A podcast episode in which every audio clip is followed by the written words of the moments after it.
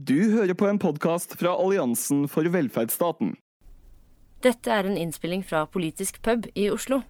Politisk pub arrangeres av LO i Oslo, Alliansen for velferdsstaten og De facto, kunnskapssenter for fagorganiserte. Da ønsker vi velkommen til denne politiske puben. Det er selve sånn valgpuben, dette her, i 2009. 2019. Og vi som arrangerer, er LO i Oslo, det er de facto, og for velferdsstaten. Og den nye lederen i Oslo, LO i Oslo, Ingunn Gjerstad, og jeg, Helene Bank fra For velferdsstaten, vi skal prøve å lose oss gjennom denne puben. Eh, så blir det opptak, videoopptak og for podkast. Podkast, og det gjelder for video. Og hvis noen har noe som ikke Dette sier jeg, men jeg vil ikke etterpå postes på noen sosiale medier, så får dere si fra enten nå eller i etterkant. Og så skal vi klippe dere ut før vi gjør noe med det. Så det skal være helt fritt, akkurat det. Så er det jo sånn at 2019 er lokalvalgår. Det betyr vi har i litt over tre år så har vi hatt et rød-grønt byråd eh, med støtte fra Rødt. Eh, Senterpartiet er her nå men har jo ikke sittet i, by, uh, i bystyret i denne perioden. Uh, men det er etter 18 år med blått, og det har nok byrådet kjent på. Uh, men det er de nå snakker for oss sjøl. så har vi hatt mange Oslo-tema opp på disse politiske pubene i disse årene her. Og nå så har vi da kalt denne store valgdebatten har vi kalt Oslo-politikken før og etter valget. I puben så får tillitsvalgte møte ansvarlige politikere. Her har vi ansvarlige politikere. Eh, både for at politikerne skal få anledning til å fortelle hva de gjør for å løse viktige oppgaver i kommunen, men også hvordan de spiller på lag med kommunens ansatte og andre representanter for innbyggere og arbeidere i Oslo-regionen. Og det handler jo om å utvikle byen vår videre. Like viktig som de som sitter her, og de som sitter her, som blir i uh, panelet, så er det jo dere som sitter der. For det er for dere vi er her. Uh, og som dere ser, så har vi gjort et utvalg av partier her. Um, ja, og Det blir jo da det sittende byråd og de andre som spiller på lag, uh, ifølge fagbevegelsens uh, felles partiutspørring, som dere kanskje har sett rundt, som ligger her, hva, hvem, som har, uh, hvem som har svart på spørsmålene som fagbevegelsen har stilt. Så ser vi på hva som er gjort. Vi peker fremover etter valget. Og så har vi bedt alle politikerne om å ta med en notatblokk. Fordi En ting er hva de mener, men en annen ting er jo at når de møter dere, så må de kanskje notere noe som de bør merke seg. Så jeg håper alle har en notatblokk. Jeg har til og med sagt jeg kom til å henge ut Arvid hvis ikke at det var en blokk på plass. Så varer puben nå til ca. 2030, eller det er rammen vår eller når vi syns at nå er nok. Uh, så, det er, så det er lov å slutte før, men vi har i hvert fall lovet å, å uh, ikke holde på mye lenger enn det. Så tenker jeg at aller først så lar vi Ingunn Gjerstad, nye lederen i LO i Oslo, fortelle litt om den partiutspørringa som, uh, som, har vært i, har vært i Oslo som både fagbevegelse, fagbevegelse innen både Unio og LO-forbund har vært med på. Vær så god, Ingunn. Det er jo sånn at uh, vi representerer jo alle slags uh, yrkesgrupper. Og vi har på en måte den ene og den andre skoen på. Noen er for små, og noen er for store. Så når vi har jobba med valget, så begynte vi allerede i 2018 å ha arbeidsgruppe. Og da kom vi frem til 64 spørsmål som eh, folk i Oslo som jobber, syns er viktige ting. Og eh, nå tenkte jeg skulle ta et par sånne ja-nei-spørsmål. Hva dere syns om noen av de tingene som vi har meint eh, noe om. Jeg tenker at dere skal få lov å komme tilbake til en, en stemmeforklaring etter at dere får ordet sånn på ordentlig. Men eh, spørsmål én er Vil dere gå inn for en utredning av Ullevål som sykehus for Oslo? Vi har et spørsmål om det. Hånda opp. Da må jeg rekke opp hånda, dere som har ja. Og dere som har nei, rekker opp hånda nå. Og du har vet ikke? Eller kanskje? Nei, Vi har et standpunkt på at eh, den beslutninga som Stortinget skal ta i høst, det må være tilstrekkelig utreda og godt forankra. Ok. Så har vi et spørsmål til, som er Vil Oslo-partiet kreve at kommunen driver bussdrift i egen regi? Ja rekker opp hånda. Arbeiderpartiet har svart. Jeg sitter ikke ja, Du sitter ikke i den komiteen. Ja, vi har svart ja.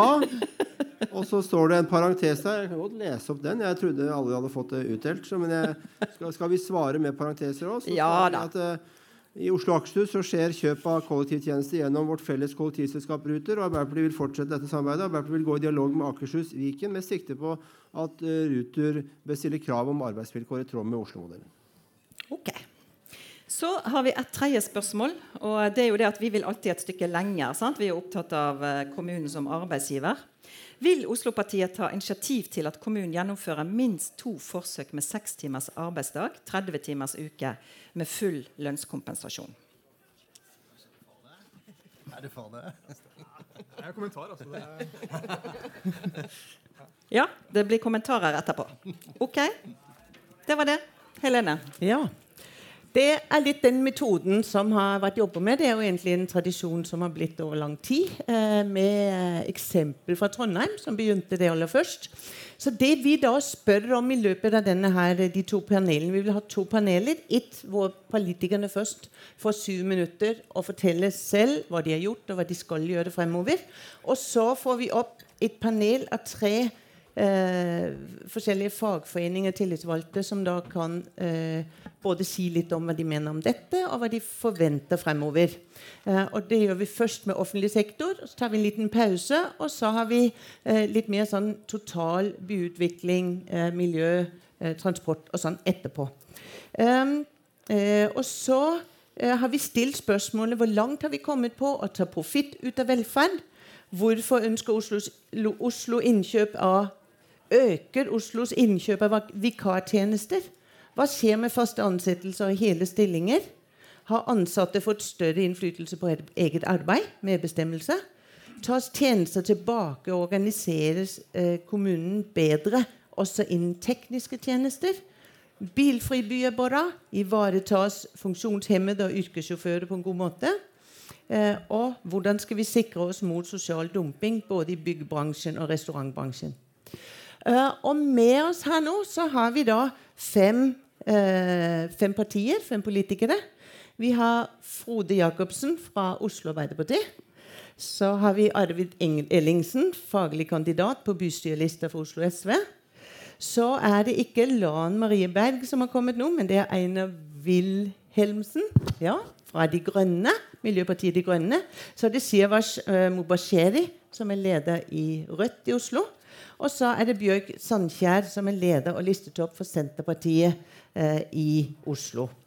Og da tenker jeg at dere får syv minutter hver. Vi ikke tar det i denne rekkefølgen. Og så forteller dere litt om både hva som, eh, som har vært liksom, målet, og hva dere har oppnådd nå, og hva dere tenker fremover. Men graden av de forskjellige tingene det bestemmer dere sjøl. Syv minutter har du, Frode. Vær så god. Takk skal du ha. Håper alle hører godt. Og velkommen hit, eh, alle sammen.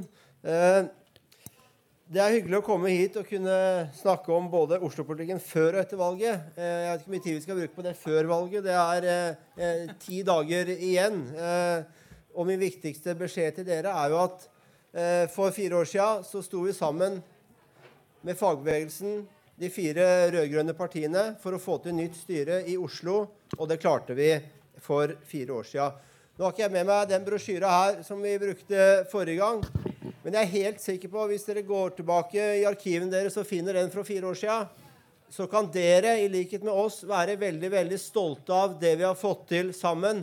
De resultatene vi har fått i Oslo disse fire åra. Og så skriver dere at det viktigste temaet i valgkampen det er velferd, fordeling, arbeidsliv. Eh, og jeg kan være enig i det. Det er ikke bompenger som er viktigst. Det er de temaene dere skisserer.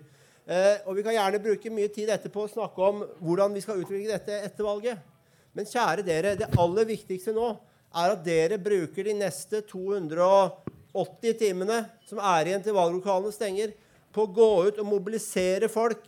Folk i byen må vite at det er en forskjell på, om vi lar det rød-grønne byrådet fortsette, eller om vi skal begynne med borgerlig politikk igjen. Vi veit hva vi får. Det blir ny konkurranseutsetting hvor de starter med sykehjemmene. Det blir privatisering hvor en kommer til å starte med søpla. Det kommer til å bli eh, nye eh, runder med anbud, med privatisering osv. Og dere veit hva dere har fått disse åra. Og det er det jeg har lyst til å bruke litt tid på. For det er nemlig ikke en selvfølge. Når vi har bygd noe, mange kilometer sykkelvei, som sikkert Einar kommer til å snakke om, så ligger de der uansett om Eirik Lars Solberg er blitt byrådsleder om en og en halv måned. Gud forby. Men det er masse ting som ligger der i dag, som vårt byråd har fått til, som et nytt borgerlig byråd kommer til å endre på raskt. Og Det er de tinga som dere må ut på arbeidsplassen og snakke om. Det er det som er en forskjell på om det er vi som fortsetter å styre, eller om de borgerlige kommer til å overta.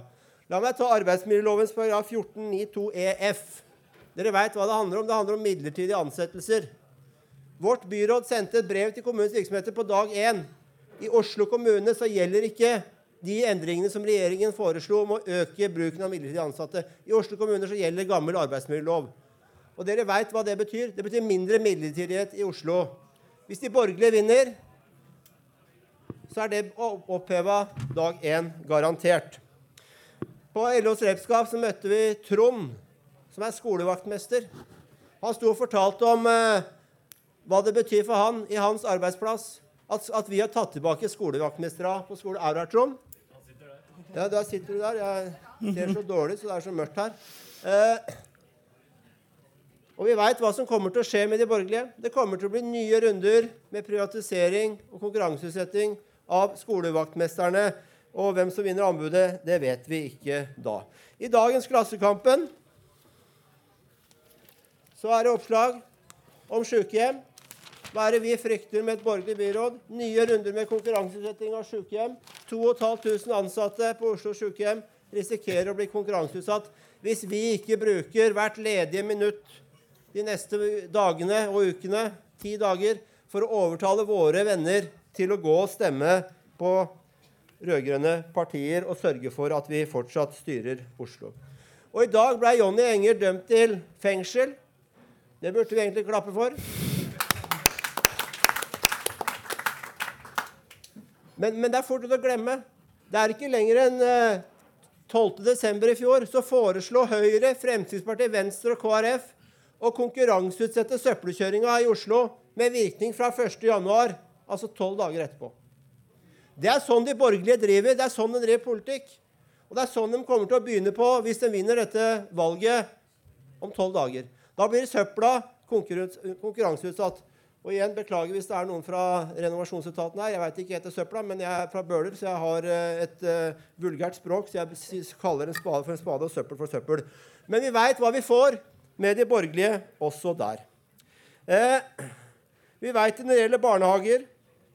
Det kommer til å bli nye eksperimenter. Forbud mot kommunale barnehager, salg av kommunale barnehager, mer privatisering også der. Eh, og eh, eh Av og til får jeg spørsmål ja, spiller det en rolle hvem som styrer. Ja, De eksemplene jeg viser frem her, viser at det er en stor forskjell. Det er en stor forskjell på sånn det var, og sånn det er i Oslo.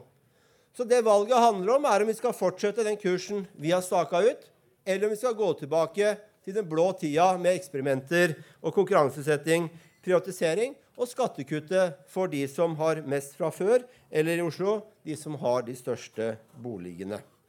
Så er det mye jeg kan ramse opp. Jeg er stolt av jeg har nevnt en del ting. Oslo-modellen for et seriøst arbeidsliv er kanskje det aller aller beste vi har fått til denne perioden. Eh, men uh, vi er ikke ferdig. Og Jeg kan gjerne diskutere med dere resten av kvelden om ting som ikke er bra nok. Jeg har antageligvis en lengre liste enn dere på det også. Men det er derfor jeg driver med politikk. For jeg ønsker å forandre. Og gjennom de fire åra her sånn, så har vi fått til veldig mye. Sammen med dere. Og sammen med dere skal vi få til enda mye mer i åra framover. Eh, av og til kommer vi til å være uenige. Og jeg kommer sikkert til å høre fra innlegg her nå om at dere syns at vi ikke har gjort nok. Ja, vi har ikke fått gjort nok på deltid, helt til deltid. Vi har ikke gjort nok med å kvitte oss med konsulenter. Og det er andre områder vi ikke har fått gjort nok. Men vi har starta. Og vi har kommet i gang. Vi har gjort mye. Vi har kommet i gang med en del på, også på andre områder, men vi har ikke kommet langt nok. Det er derfor jeg driver med politikk. Hvis jeg skulle satt, med, satt meg ned sammen med Arvid og Einar og Sia Wash her og sagt nei, nå er vi ferdig, da hadde vi vært ferdig. Da hadde vi ikke trengt å stille til valg. For da hadde vi ikke hatt en misjon i samfunnet. Men jeg driver med politikk og er medlem av Arbeiderpartiet, for jeg vil at vi skal utgjøre en forskjell. Og den forskjellen har vi vist til de grader i Oslo, og det kommer til å vise enda tydeligere når vi får ny tillit til at Raymond fortsetter som byrådsleder etter valget. Så ut og jobbe, folkens. Vi har et valg å vinne. Det er 280 timer igjen. Takk skal du ha, Frode. Du var presis. Det var bra. Så har vi neste på lista her, og det er Arvid Ellingsen, faglig kandidat fra, nei, fra SV. Sentrumspartiet. Nei, nei, nei. SV. SV. Tusen takk skal du ha. vær så god. Eh, Syv minutter. hvor mange er det som har lest uh, svaret her? Ja, det er en god del. Det er bra. Jeg brukte mange kvelder på å svare så godt jeg kunne. Og så fikk jeg beskjed til å sende inn at jeg skulle kunne svare ja og nei. Men det er bra. Det ligger iallfall uh, grundige svar ute. Eh, og det er klart det er et viktig valg, og vi har ikke mange timene igjen. Eh, eh, vi hadde et møte i SV der de fleste sa at, eh, på morgenmøtet at eh, ja, nå er det jo sånn at nesten alle har forhåndsstemt. Og så var det en som sa det er faktisk bare 10% så det er 90 som ikke har stemt ennå. Så vi har en stor jobb igjen. For noen år siden så advarte NRK på morgenradioen at folk eh, ikke måtte gå ut i Oslo sentrum. Derfor ikke de som hadde astma, for det var så mye luftforurensning. Og en, en ting vi har fått til, SV er et rød-grønt parti, og nå snakker vi om den grønne delen, det er å bidra til å redusere luftforurensning i Oslo. Før så var det 200 000 som var ramma, nå er det 10 000. Vi skal få det ned i null. Eh, så blir det bra å bo her. Vårt mål er nullutslipp i 2030. Og Jeg har snakket med mine jenter som eh, var med i klimastreiken sist gang. De, jo, de har ikke helt fått med seg denne streiken på ny. Det er så mye streiker, sier de. Er det sånn i arbeidslivet? Nei, sier de. Ikke så mange. Men de, Det er ny streik på fredag, men sist gang var de virkelig med. Jeg husker jeg fulgte de. Jeg fikk permisjon fra LO. Fulgte de ned fra Golia ned til byen, og det kom tusenvis av ungdommer i hele byen. Og Det var jo ikke akkurat en streik i ords rette forstand, men engasjementet var født, og det er en helt ny generasjon som vokser fram. Eh, og det er veldig bra. Eh, rettferdig omstilling er jo det rød-grønne mellomleddet her.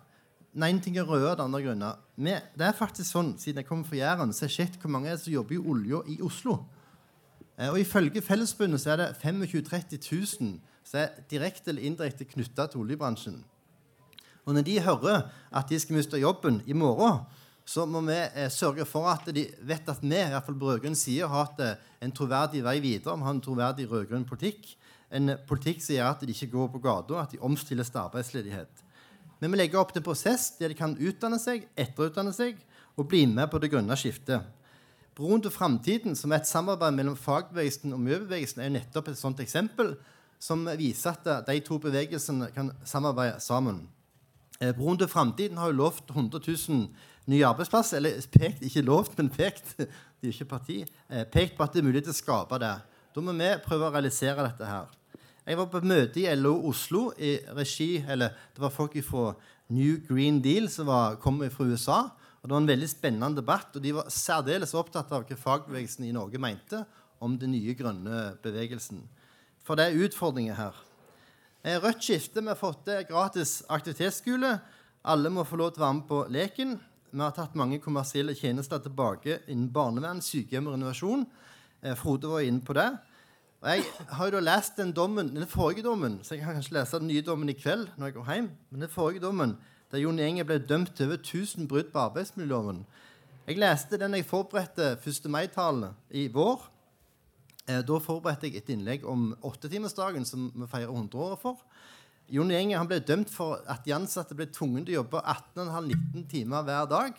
Og Det er altså, altså to-tre år siden, 100 år etter vi vant seieren om åttetimersdagen. Og Han ble dømt for den strengeste loven noensinne, og han er dømt inn. og Det syns jeg er veldig bra. Så jeg støtter applausen din. I tillegg eh, må jeg nevne Attendo. Det er, eh, det er folk både fra Fagforbundet og Sykepleierforbundet her. Eh, Attendo eh, tok over sykehjemmene, og da gikk eh, de ansatte ned i lønn 50 000-60 000 kroner. De mista kveldstillegg, heldigtillegg, eh, sær, eh, særlig eh, tillegg de hadde forhandla fram. Og da fikk de beskjed om, ifølge Fri fagbevegelse, de kunne jo kjøpe noen aksjer. Så kunne de kanskje få Mallon ut av det. Det sier litt om hva høyresida tenker. Nå hører jeg at høyresida er ikke så veldig klare for den privatiseringen og renovasjonen. De har sagt at vi er jo bare prinsipielt for å privatisere det. Vi har ikke så veldig mye hast med å gjøre det, sa de i dag. Så det viser at de presser litt tilbake, og det er kjempebra.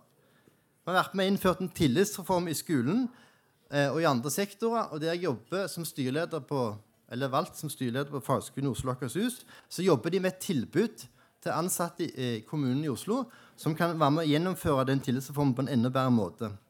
Vi har fått til Oslo-modellen, et samarbeid mellom partene. En slags eh, ny gullstandard som eh, har økt eh, andelen lærlinger, økt andelen faglærte og ført til et mer seriøst arbeidsliv. Så eh, vi skal jobbe tett med fagbevegelsen og LO. Vi skal lytte og skal spille hverandre gode. Vi skal svare på alle spørsmål dere stilte. Eh, takk til LO for dere tar initiativ til denne samlingen. Sammen kan vi ta kampen om en mer rettferdig by, en mer inkluderende og raus by. Eh, for det er da vi vinner. Vi skal sikre at de pengene som går til velferd, skal gå til barn, og ikke til de eh, profitørene som noen av de er plassert på Wall Street. Høyre styrte Oslo i 18 år. Eh, det er nesten som at det var så lenge siden at vi ikke husker det. Men når jeg leser programmet til Høyre, som de går til valg på nå, så gir det meg eh, eh, søvnproblemer. Eh, vi, vi, har styrt Oslo fire år. Vi er klar for å styre i fire år til. En stemme til SV, en stemme på et fortsatt rød-grønt byråd. Takk. Eh, takk skal du ha, Arvid, så langt. Da går vi videre til Einar Wilhelmsen, fylkesleder og tredjekandidat for Miljøpartiet De Grønne. Hei, hei, alle sammen. Uh, vi er jo tre partier som sitter sammen i ett byråd, uh, så dere må jo bære over med at vi blir ganske like da, når vi holder innleggene våre. For vi kan alle sammen stå og skryte av at vi har bygd 60 km med sykkelvei. Eh, og jeg kan eh, også få lov å si akkurat som eh, Frode at en av de tingene jeg faktisk er aller mest stolt av at dette byrådet har fått til, det er denne Oslo-modellen for seriøst arbeidsliv. Også fordi at jeg som ung student jobba litt som sånn rivegutt på bygg, så jeg har liksom sett også eh, hvor utrolig viktig det der er. Eh, og hvor utrolig mye juks og fanteri eh, det var i denne bransjen. Så dere får bare bære over med at vi da også blir litt like. da. Men jeg tenkte jeg skulle hilse fra vår valgkampsjef. Eh, han sendte meg en mail han hadde fått fra Fodora. Eh, fordi at vi har vært kunde der, og vi er også kunde der, eh, bare at vi har en liten pause nå. For vi kjøper ikke fra en bedrift der hvor de ansatte streiker. Og for oss så er det viktig å si at vi er veldig opptatt av delingsøkonomien og å ta i bruk ny teknologi. Men bare fordi at eh, den nye næringa er basert på en app, så betyr ikke det at man kan sette vanlige arbeidstakers rettigheter til side. Eh, og Jeg fikk også videresendt en mail, denne mailen fra Fodora, da, hvor de argumenterte litt for hvorfor, eh, overfor sine kunder hvorfor, hvorfor, de gjorde som de gjorde. Og da er det litt interessant å se at det ser ut som I bunnen av argumentasjonen deres så sier de egentlig at denne forretningsmodellen lønner seg ikke hvis de skal betale folk skikkelig lønn. Og da tenker jeg at uh, da, da, er det kanskje noe med forretningsmodellen som er feil. da. Men, men det er sånn uh, at så når vi tar i bruk nye teknologier, og når vi tar i bruk digitaliseringa, som er en trend som vi ikke kan stoppe, og som ikke kommer til å stoppe, så er det utrolig viktig at vi henger med i svingene uh, og sikrer at det ikke går på bekostning av seriøst arbeidsliv og hensyn til folk. Og det her ligger også i bunnen av mitt og også mange i MDG sitt klimaengasjement og miljøengasjement. For det klimaendringene rammer jo først og fremst de som har minst mest. Så Derfor så handler det å ta ansvar for å begrense klimagassutslippene og håndtere klimaendringene også om global solidaritet med folk som har mye mindre enn det vi har i Norge.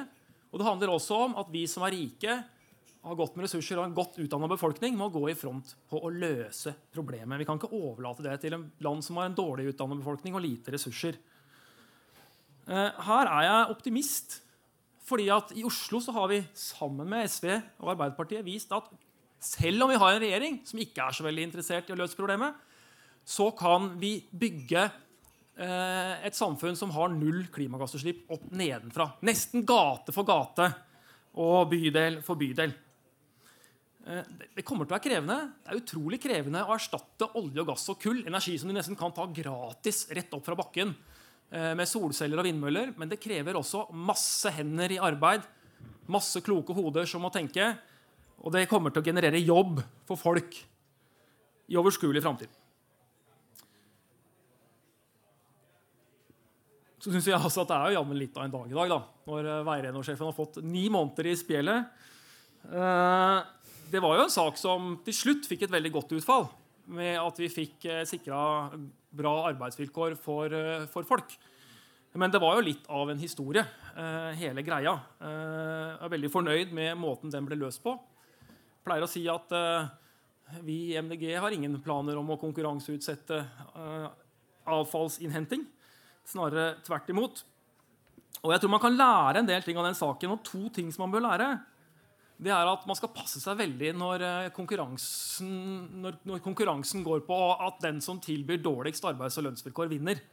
Eh, og man skal passe veldig på eh, at man skal ikke undervurdere når man kjøper på anbud, hvor viktig det er å ha nok kompetanse i kommunen blant de som kjøper inn tjenestene. Eh, Det er ikke bare bare heller, og det lærte vi virkelig av denne affæren. Så her ligger et stort ansvar på kommunen for å bruke innkjøpermakta si også der hvor det man kjøper tjenester fra private. Apropos der, eh, jeg har egentlig lyst til å skryte av eh, finansbyråden vår, Robert Steen.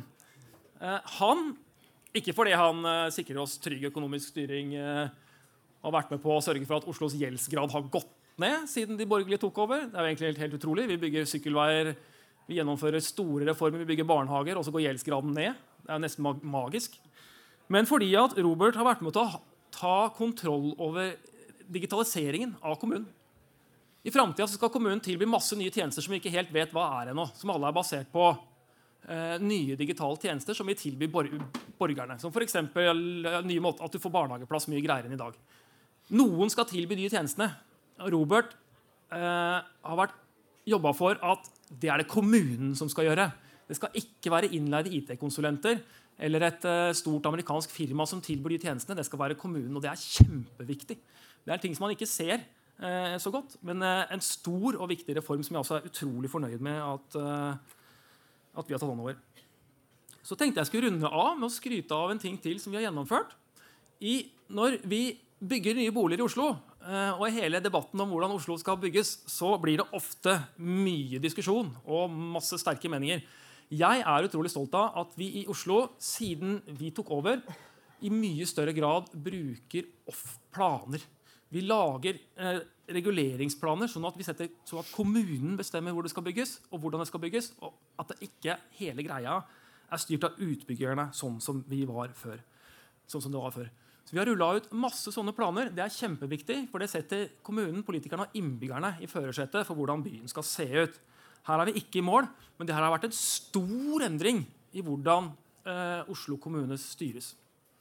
Så helst er det bare å si eh, vi er jo bare kanskje halvferdig med jobben. Eh, vi trenger fire nye år på å bli ferdig, minst. Eh, så det er bare å komme seg ut og stemme. Tusen, tusen takk, eh, Einar. Jeg har bare lyst til å si at Dere er jo blitt så forbilledlig flinke til å time tiden deres. Så det er sikkert fordi det er så langt ut i valgkampen. I denne blekka her som vi har lagt ut på plassene deres, som dere får bak der, så står det en veldig god artikkel om eh, det at vi har tatt eh, rein, renovasjonen tilbake, og hvor fremtidsretta og kul den virksomheten er.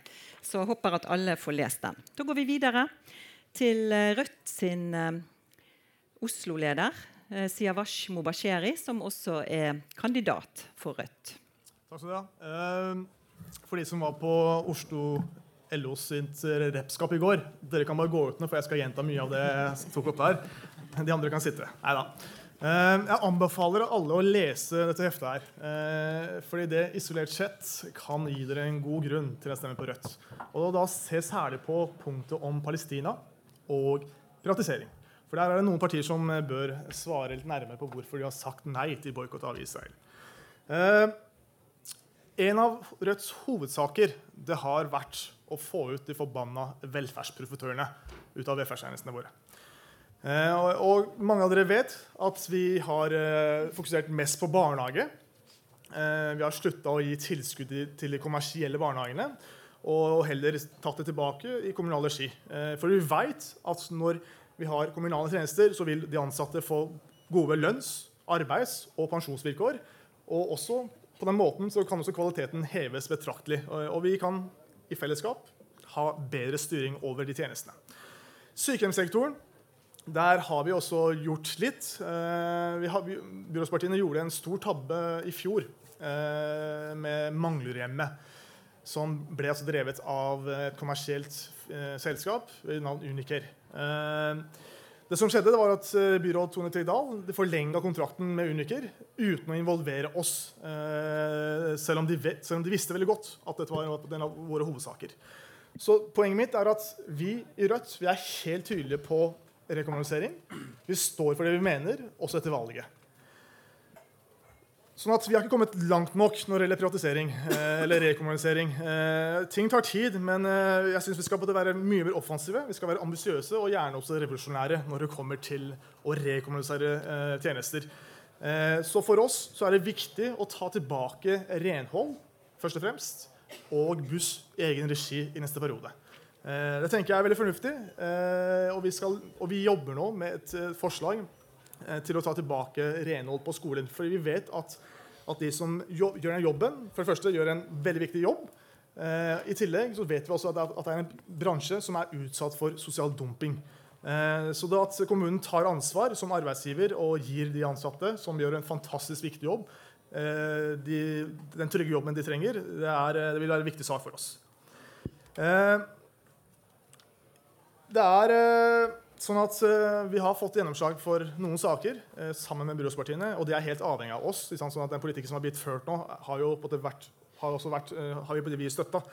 Men det er noen saker som det har skuffa oss i Rødt, og også, ikke minst også befolkningen i Oslo, veldig mye. Det ene er gjengsleie, altså markedsleie i kommunale boliger. I kommunale boliger så bor altså Oslos fattigste. Eh, De som er mest utsatt, det er familier med mange barn, det er eh, uføre, det er eh, narkoman osv. Disse her har altså måttet betale høy husleie til kommunen. Og på den måten så har også kommunen vært en bolighai overfor liksom, de aller fattigste i Oslo kommune. Hvert år siden 2015 så har, vi, så har vi på det vis til forslag om å avskaffe gjengs leie, altså markedsleie, som er skyhøyt, og heller liksom, innføre et system som er rettferdig, og som gjøre at de som bor der, kan ha et, ha et tilsvarende normalt liv.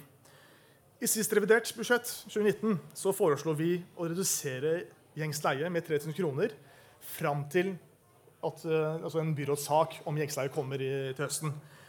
Og det forslaget, Vi trodde at det skulle få flertall, eh, siden både SV og eh, ja, spesielt SV på det har det i sitt program, at de på det vil eh, gjøre noe med gjengsleie. Men dessverre så fikk det altså bare våre stemmer. Eh, Når, vi på sitter her, og- snakker om eh, fattigdom i Oslo, at vokser, at en, altså at en av ti barn vokser i fattigdom, så kunne man også gjort veldig mye. Bare for å redusere den husleien med 3000 kroner. Eh, og så er det sånn at, eh, Som dere kanskje vet, så var det også en annen stor skandale nå i sommer. Eh, hvor altså kommunen i to rettsomganger gikk altså til rettssak mot, en- barnehageansatt som ville øke sin eh, stilling i kommunen. Eh, men tilbake så fikk hun altså to rettsomganger fra kommunens side. Eh, det mener vi er en stor skandale, fordi alle som vil ha hel stilling, hele faste stilling, må få det, mener vi. Det må egentlig være en rettighet. Og da, da blir det veldig paradoksalt da, å stå her og snakke om ja, vi skal liksom ha hele faste stillinger når på det kommunen har den praksisen. Så for å på det gjøre noe med dette, så, så er det noen konkrete tiltak vi kan sette i gang allerede i neste periode. Og det første det er å få slutt på de bemanningsbyråene. Eh, vi vet at, eh, at vi har eh, kontrakt med, altså at Oslo kommune har kontrakt med bemanningsbyråer som går ut i januar neste år. Eh, og da er det fullt mulig for kommunen å, ta, og, og skrote sant, eh, bemanningsby, be, be, bemanningsbyråer. Og heller, sant, og heller, opprette vikarpooler hvor folk er fast ansatt med fast arbeidstid med gode lønns- og arbeidsvilkår. I tillegg så må også kommunen opptre som en, en arbeidsgiver. Eh, det vil si også at vi må etablere et apparat som gjør at hele Oslo kommune kan eh, håndtere stillingsutvidelser. Altså og fortrinnsrett på tvers av virksomhetene. Sånn at, sånn at arbeidsfolk som ønsker det, kan måte få hele stillinger i hele kommunen. Eh, en annen ting hvor, eh, hvor, vi har, hvor, vi har, to partier som kanskje ikke er så veldig prinsipielt mot det, eh, det er å slutte å konkurranseutsette og, sette, eh, og på det heller sant, ha tjenester i egen regi. Ett minutt igjen. Ja. sånn at hvis man fortsetter med den politikken som vi har ført i Oslo bystyre nå, Eh, med å ta tilbake velferdstjenester eh, i egen regi, så tror jeg at vi kan gjøre veldig mye eh, sant, med tanke på ansatte i hele faste stillinger. Og så er hjertesukk. Min hjertesak det er seks timers arbeidsdag. Og det spørsmålet som dere har stilt, hvor, har, ja, hvor de aller fleste partiene har svart ja, der mener, jeg er litt faktafeil. For I forbindelse med kommuneplanen så foreslo Rødt å ha forsøk med sekstimersdag. Det fikk bare Rødt, eh, Rødt stemmer. Eh, og det syns jeg at disse partiene skal svare på. Hvorfor gikk de imot forsøk? Altså, det, er ikke, det, er ikke, engang å innføre det permanent. Men det er også forsøk. Eh, og vi vet at sekstimersdag er sunt for familier, det er sunt for helsa vår, og det, en, og det, peker mot en helt annen samfunn. Hvor vi får mer tid for oss, mer tid til å drive med politisk arbeid, mer tid til å slett, ha det bra med familien og venner rundt, rundt oss. Jeg stopper her. jeg. Takk skal du ha, Siavash.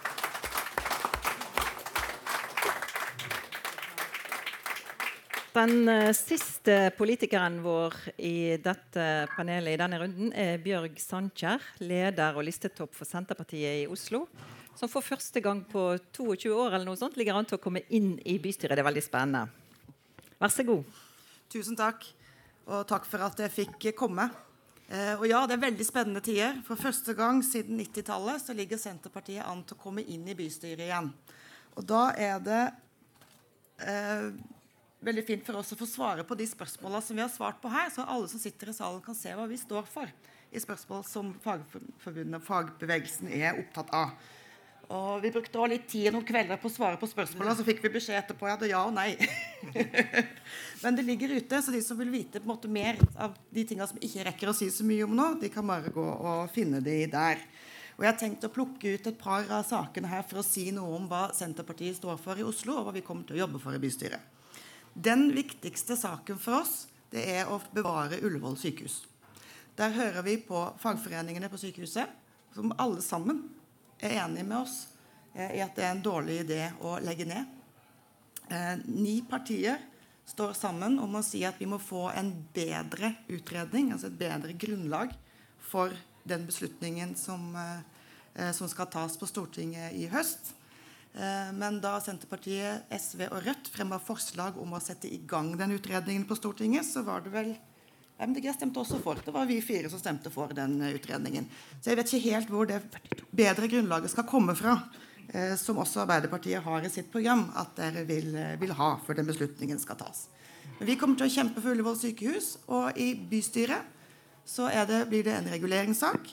Og ikke minst så vet vi at skal vi bevare lokale sykehus, og dette vet Senterpartiet mye om fra lokalsykehus i resten av Norge, så er det veldig viktig med det lokale engasjementet. De som bruker det sykehuset, må vise at det her finner vi oss ikke i.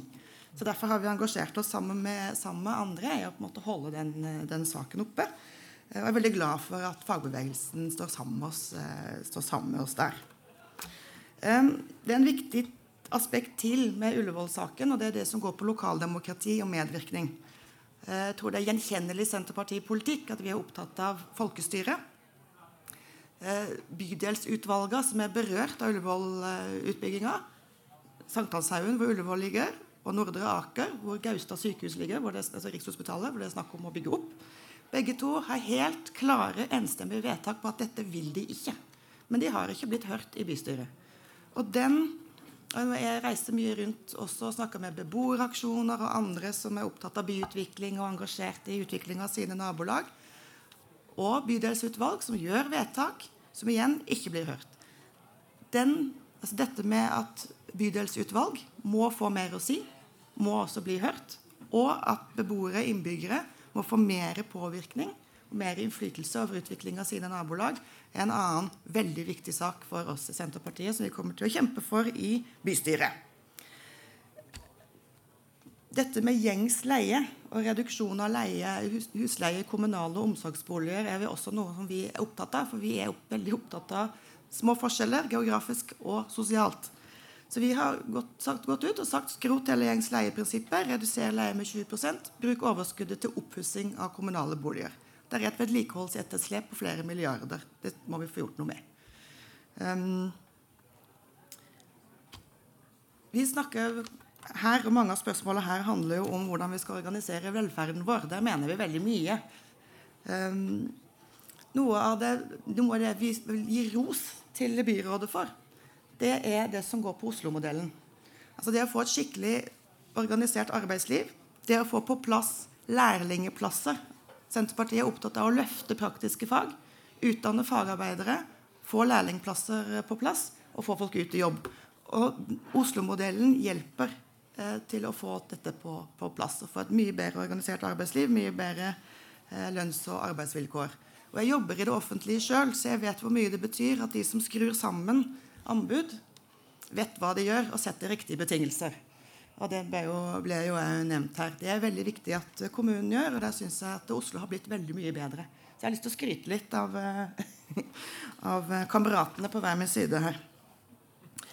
Um, når det er snakk om sosial dumping Det er noe vi også er veldig opptatt av. og Da kan vi ikke komme helt utenom å bare nevne EØS. Nå er jo dette lokalvalg. Men uh, i den rapporten som vi fikk tilsendt uh, på forhånd, så er det også snakk om Er det noen begrensninger i EØS-avtalen som gjør at Oslo kommune kanskje ikke kan velge får, de, de som skal tilby velferdstjenester? Vi vil rekommunalisere. Eh, men er det noe men gjerne på lag med ideelle? Og så er det jo den debatten om betyr det at du kan, du kan ekskludere kommersielle. Og Det er jo nettopp et godt eksempel på hvorfor vi ikke vil at hvordan vi gjør vår velferd, skal styres fra Brussel, men at vi kan gjøre våre, våre beslutninger sjøl. Eh, det kommer vi også til å eh, jobbe for i bystyret. Til slutt dette med bemanningsbyråer. Eh, de som følger med på Senterpartiet, vet at bl.a. Per Olaf Lundteigen har gått veldig hardt ut mot bemanningsbyråer. Det er noe vi er enig i her. Vi syns det er veldig spennende med de forsøka med vikarpol, og kommer til å, å, støtte det videre. Vi må ha hele, faste stillinger, bort med ufrivillig deltid. Og ikke minst det her eh, løsarbeidersamfunnet som eh, bemanningsbyråene eh, legger opp til. Og til slutt vi har hatt en lang runde i Senterpartiet på dette med tillitsreform. Vi ønsker at fagfolka som jobber, skal ha mer, mye mer fullmakt til å ta beslutninger. Vi mener at de er de meste som er nærmest på problemstillingene. Nærmest på folka de jobber med. At de må få mer tillit. Og vi syns det er spennende med de forsøka også som byrådet gjør, bl.a. på hjemmetjenesten, som vi hører at det går bra med. Men så hører vi fra andre deler av eh, systemet i Oslo, bl.a. fra Nav, at du, du, har en slags tillitsreform, men de ansatte føler ikke at det, den er så reell. Det blir et lag på toppen av rapportering og rutiner og skjemaer som de har allerede. Så det er jo noe som vi har lyst til å kikke litt på. Ja. Godt valg. Takk skal du ha, Bjørg. Da vil jeg be Rune Lang, Thomas Eliassen og Line Aalund å komme opp her. Rune Lang er leder for videregående seksjon i Utdanningsforbundet i Oslo. Vær så god. Thomas Eliassen er sekretær for Fagforbundet avdeling 6, teknisk fagforening. Og Line Aarlund er leder i Norsk Sykepleierforbund i Oslo. Uh, jeg lurer på om jeg bare skal bruke den rekkefølgen som dere sto i. Ja. Sånn at dere får lov å si litt. For nå har dere jo hørt politikerne her, og dette handler liksom offentlig sektor. Fem minutter hver. Litt sånn hva, eh, hva er dere fornøyd med, hva tenker dere fremover? Og dere får selv lov å bestemme hvor mye dere bruker på hva. Vær så god, Rune. Begynner, ja. ja. ja. Eh, veldig hyggelig å være her. Veldig hyggelig å se så mange mennesker. Eh, og det er veldig hyggelig å høre så mye fornuftige politikere. Eh, litt grann sånn historie. Eh, fagbevegelsen og det samarbeidet som har vært i fagbevegelsen, det, et, det tror jeg faktisk er noe av det resultatet at vi har fått et nytt byråd i 2015. I 2011 og før den tid så hadde vi en sammenslåing av Eller en hva skal vi si, nei til salg av Oslo. Og vi var eh, Fagforbundet, eh, LO i Oslo, Skolenes landsforbund, Sykepleierforbundet og Fellesforbundet felles hadde en sånn en møteplass hvor vi skulle forandre politikken til det blå-blå byrådet. Det skjedde ikke i 2011, men det skjedde i 2015, og takk for det. Utdanningsforbundet, partipolitisk uavhengig, men den politikken dere står for, det er en politikk som vi applauderer, og vi håper fortsetter. Uh, vi uh, i Utdanningsforbundet ble beskyldt for å dilte etter byrådet. Det har vært nå en del oppslag i aviser om, uh, om det de kaller fritt skolevalg, som overhodet ikke er et fritt skole, skolevalg. Nei, som er et fritt skolevalg. Nei, karakter Unnskyld, nå roter jeg litt. Litt stress. Det vi har i Oslo, er et karakterbasert skolevalg. Det karakterbaserte skolevalget skaper så store forskjeller skoler imellom at her må det gjøres noe. Høyre mener at det de kaller det frie skolevalget, det bør man og trenger man egentlig ikke å utfordre. Det som byrådet nå har gjort ved å sette ned et utvalg for å se på hvordan dette skole, frie skolevalget, karakterbaserte skolevalget, virker, det er første gangen vi har fått gehør for det. Og det har vært vår politikk i Utdanningsforbundet fra 2004 at dette skal man se på, og dette skal man forsøke å forandre. Så det er i hvert fall én ting som vi skal applaudere eh, byrådet for, at man har satt i gang det, det arbeidet. Så er det ressursfordelingsmodellen i Oslo-skolen. Det er ressursfordelingsmodell som omhandler både grunnskole, videregående skole, alle spesialskolene i Oslo, hvor stykkpris, elevtelling, er det som skal ligge til grunn for hvordan tildelingene til skolene er, skal bli. Det systemet er basert på konkurranse skolene imellom. Det er om å gjøre å få flest mulig elever til sin skole. Man ser ikke på helheten i det hele tatt. Og dette skaper store ulikheter i finansieringen av de forskjellige skolene. Det er gjort beregninger hvor enkelte skoler med stor, stor søkning har klasser på 34-35 elever, mens andre skoler da, som ikke har så stor søkning, har 23-24 elever. Denne stykkprisfinansieringen for skolene gjør at uh, den ene skolen som har god søkning, kan få én eh, million kroner mer til å drifte skolen enn en annen skole da, som ikke har denne ordningen. Eh, så er det dette snakk om hva er det vi som også har jobba sammen med Fagforbundet for å få denne vaktmestertjenesten rekommunalisert. Og Det har vært igjen et godt samarbeid, Fagforbundet, Utdanningsforbundet, som har jobba saken og fått dette til å fungere, takket være dere politikere. Når det gjelder lærlinger, så vet vi det er en kjempeutfordring. Dere har mål om å øke antall yrkesfaglige studieplasser på videregående skole. Dere er i gang. Her er det mye upløyd mark som fortsatt ligger der. Det at man forsøker å få til et lærlingetilbud, sånn at alle lærlinger i Oslo har en lærlingegaranti for at når de er ferdig med skolen, så skal de kunne gå ut i læra. Utfordringen i Oslo er at de som søker læreplass her, de blir møtt av konkurranse fra de andre fylkene i Norge. og Det betyr at en tredjedel av de lærlingene som søker plass her i Oslo, får plass. To tredjedeler kommer utenfor Oslo. Dette er en utfordring. Dere har eh, vært flinke når det gjelder AKS. Dere er på god vei, og vi ser at det er kjempepositivt. Det at alle får dette tilbudet, det ser jeg i programmene deres at dere går for, og det applauderer vi også. Uh, faste ansettelser. Ja, det, det, ser man også at det jobbes med. Men det er også utfordringer der, sånn som dere sier. Det er ikke kommet til mål i det hele tatt. Eller i det hele tatt, det var litt grovt sagt. Men det er flere områder her, også innenfor skole, bl.a. voksenopplæringa og minoritetsspråklig, som dere må prøve å se. Her bør det, skal det være faste ansettelser. Når det gjelder barnehager, barnehager. Jeg er altså bølegutt, så kan si det på den måten. Ja, jeg ja. ta det som et siste punkt, Rune? Så Ja, så bare kjøre, kjøre, kjøre Ja. på. Mm. Eh, rekommunalisering av barnehage, kjempeflott. Eh, vi ser at eh, her skjer det noe, og vi er kjempeglade for det. Bydelsøkonomien må vi si noe om. Teste inn barnehage, det er også en utfordring. Eh, og når det gjelder eh,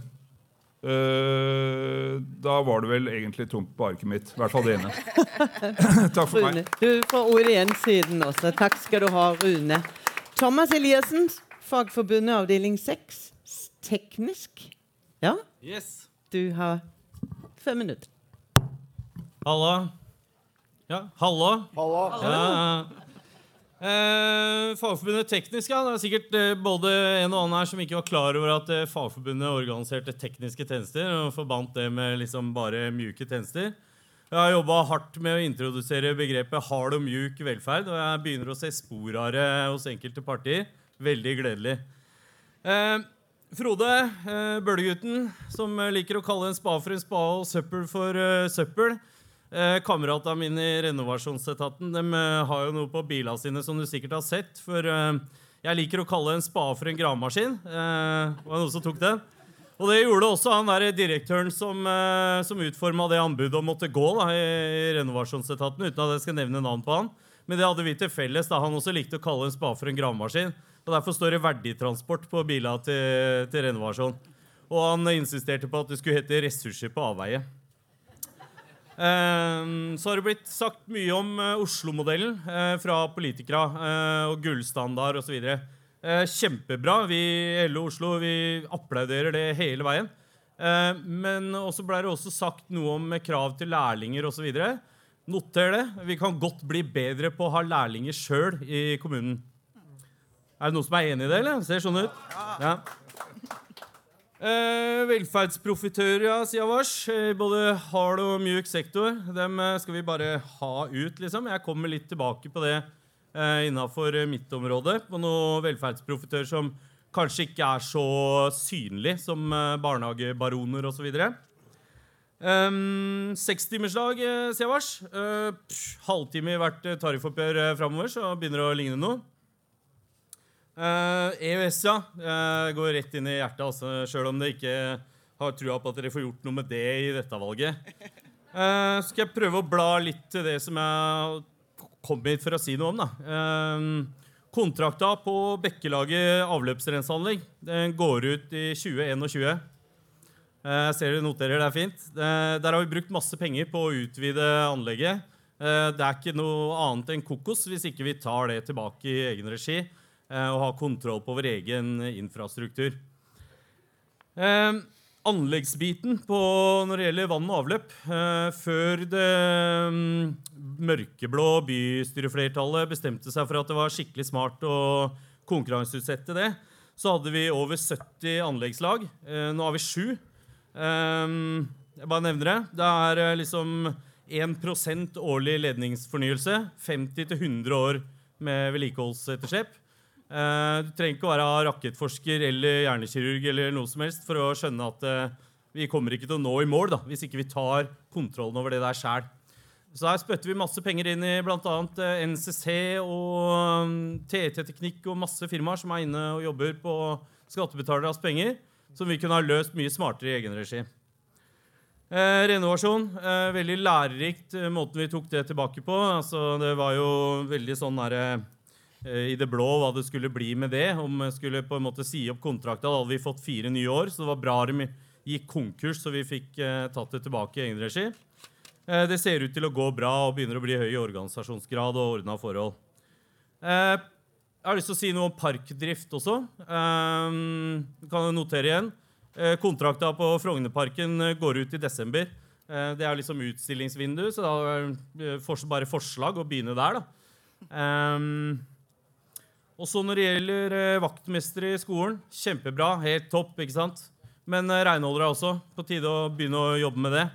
Eh, og når Fagforbundet liksom slo seg på brystet over eh, rekommunalisering av Madsrud, så var det alt unntatt renholdet. ikke sant? Så, så var liksom, vi glemte den biten der, da. Så det er det på tide å ta tilbake. Eh, buss i egen regi eh, støtter vi absolutt. Eh, og så har jeg lyst til å si Hvor mye tid har jeg nå? Du har et minutt til. Jeg har et minutt igjen. ja. Herlig. Um, det har jo oppstått et vakuum etter at de ødela Oslovei. Uh, og hvis ikke jeg sier det, så er det ingen andre som sier det. Fordi at det er noe vi ikke, liksom ikke prater om. Men etter at de styrte Oslo Vei konkurs, uh, og ikke stengte Huken Pukkverk, men de stengte Huken Pukkverk for Oslo Vei, så gikk jo dem konkurs, og så oppsto det et vakuum. Og nå er det litt sånn er det tilfeldig når vi skal grave av i byen. Eh, vann- og avløpsetaten skal legge av avløpsledninger. Så kommer Hafslund og skal legge av fjernvarme. Så kommer eh, Oslo Sporveier og skal bygge eh, trikkespor osv. Og, så og så graver vi litt sånn om hverandre. Den gravekoordineringa. Snømåkinga, saltinga, veivaskinga, lappinga av veia, veisluk, sandfangere. Det, alt dette her er ting som vi liksom ikke har god nok kontroll på. Og så er jeg selvfølgelig klar over, siden jeg jobber i vann- og avløpsstaten, at vi åpner bekker og elver og bygger regnbed for å ta imot eh, ekstremnedbøren som kommer. Men det ene slår ikke hjel det andre, så det er lov å se på veisluka og sandfangera. For det gror igjen, og ledninga er i elendig forfatning. Eh, det går ut i grunn, og vi kan ikke forsvare det. Eh, været blir våtere og villere, så vi må ikke late som det ikke gjør det. Um, da vil jeg sånn cirka i mål, tror jeg. Ja, takk. skal du ha, Thomas. Ja, dette er, jo, dette er jo områder som er nye, og som handler om helt grunnleggende planlegging. Vi har snakka lenge og mye om de myke velferdstjenestene. Og de skal vi ta litt av nå, og så fortsetter vi debatten etterpå. Line Aalund, Norsk Sykepleierforbund i Oslo. Ja, eh, Jeg eh, viser også til Utdanningsforbundet. Sykepleierforbundet er også partipolitisk uavhengige, men det betyr ikke at vi er eh, upolitiske. Eh, og jeg vil jo si at det er veldig veldig mye av det dette byrådet har gjort de siste fire årene, som faller veldig godt i smak hos dette byrådet. Og det er ingenting som ikke eh, dette byrådet kan påvirkes til, som vi syns er kanskje bedre med den andre siden av politikken. Eh, Så på ideologisk side så, så er det veldig veldig mye bra. Og jeg har lyst til å starte med rekommunalisering. Fordi jeg er helt enig med Rødt at når Masserud ble rekommunalisert, så var det strålende. Og når Manglerud da ikke ble rekommunalisert, så var det en stor skuffelse. Og vi hadde jo et møte da rett etter det. Jeg er veldig glad for at det i hvert fall bare gikk et år, men da var vi skuffet. Eh, rekommunaliseringen av sykehjemmene har berørt veldig mange av våre medlemmer. Det har betydd fryktelig mye for arbeidsvilkårene. Eh, både lønnen og også arbeidstid turnus. Vi har ikke i nærheten av det samme kyniske kjøret eh, på de kommunale sykehjemmene som det vi har på de private kommersielle. Og så må jeg skyte inn litt at det er også tendenser til det hos en del av de private ideelle. Altså. Jeg må bare si det. Det er ganske kynisk der også innimellom. Eh, men eh, det er klart at det har hatt stor betydning for våre medlemmer at vi har kommet tilbake. Og så er jeg vel vitende om at vi har altså en lov om pensjonsordning, så vi har ikke hatt en periode uten god pensjon. Men jeg må jo si at jeg har stor sympati for alle de andre som jobber på sykehjemmene. Og jeg er veldig veldig glad for at de har fått tilbake en kommunal tjenestepensjon når de kommer tilbake til kommunen. Så det heier vi på. Det nye eh, Hva er det det heter når det blir sånne populærord eh, hos høyresiden nå? Det er tydeligvis velferdsmiks. Vi skal ha en velferdsmiks. Eh, og jeg vil da si at jeg følger velferdsdelen av Oslo veldig nøye. Og det er ingen velferdsmiks eh, som er igjen i Oslo. Eh, vi hadde lite, en liten privat hjemmetjeneste, Kamfer, som kanskje kunne sies å være et lite, som, bære bære et lite preg av en idealistisk tanke og noen ildsjeler. De ble kjøpt opp. Eh, Azor, som ikke akkurat kan sies å være noe Dere som husker tilbake sosial dumping for en del år siden, det er ikke akkurat noe dans på roser her, men, men de var nå i hvert fall et lite selvstendig selskap, ikke kjempesvært i forhold til disse andre gigantene. De er kjøpt opp. Det er altså ingen små igjen. Det er bare de svære gigantene. Så velferdsmiksen som vi finner i sykehjem i Oslo i dag, den går på ildsjelsvirksomhet. Og den er, vi ser gode sykehjem og dårlige sykehjem blant de kommunale. Og vi ser gode sykehjem og dårlige sykehjem blant de kommersielle. Og det handler veldig, veldig mye om hvem som er der. Sånn at eh, Jeg kjøper ikke denne velferdsmiksen. Jeg synes rett og slett det er et ganske tåpelig argument. Vi må begynne å snakke om at vi er en fagforening som trenger å ha gode arbeidsvilkår for våre medlemmer. Eh, Vi har nå fått eh, nesten sier at vi, vi har nesten fått for vane å streike i NHO. Eh, og ingen her skal være overrasket. Vet dere når vi kommer til å streike i NHO neste gang? Fredag. er vi ganske sikkert altså jeg vil si at Det er overveldende sannsynlig at vi skal megle NHO i morgen i forhold til sykepleierne våre. Jeg er nesten helt overbevist om at vi er i streik fra fredag morgen. Og da er vi i streik fordi at vi kan ikke lenger akseptere at vilkårene for de sykepleierne som jobber i NHO, er så vanvittig mye dårligere enn de er for alle sykepleierne på sykehus, alle sykepleierne i Oslo kommune. Eh, så du kan si det at det er en fryktelig viktig prinsipiell sak. Vi kan jo knapt nok ta ut noen sykepleiere, fordi at de kjører oss rett ut i lockout. Så jeg tror ikke det blir en veldig lang streik. Men jeg håper jo virkelig at jeg har med meg hele fagbevegelsen på at vi kan ikke akseptere så store forskjeller som det det er mellom de kommersielle aktørene i NHO og den kommunale sektoren. Så derfor så eh, skal det bli spennende. Jeg tror som sagt ikke vi kommer i havn.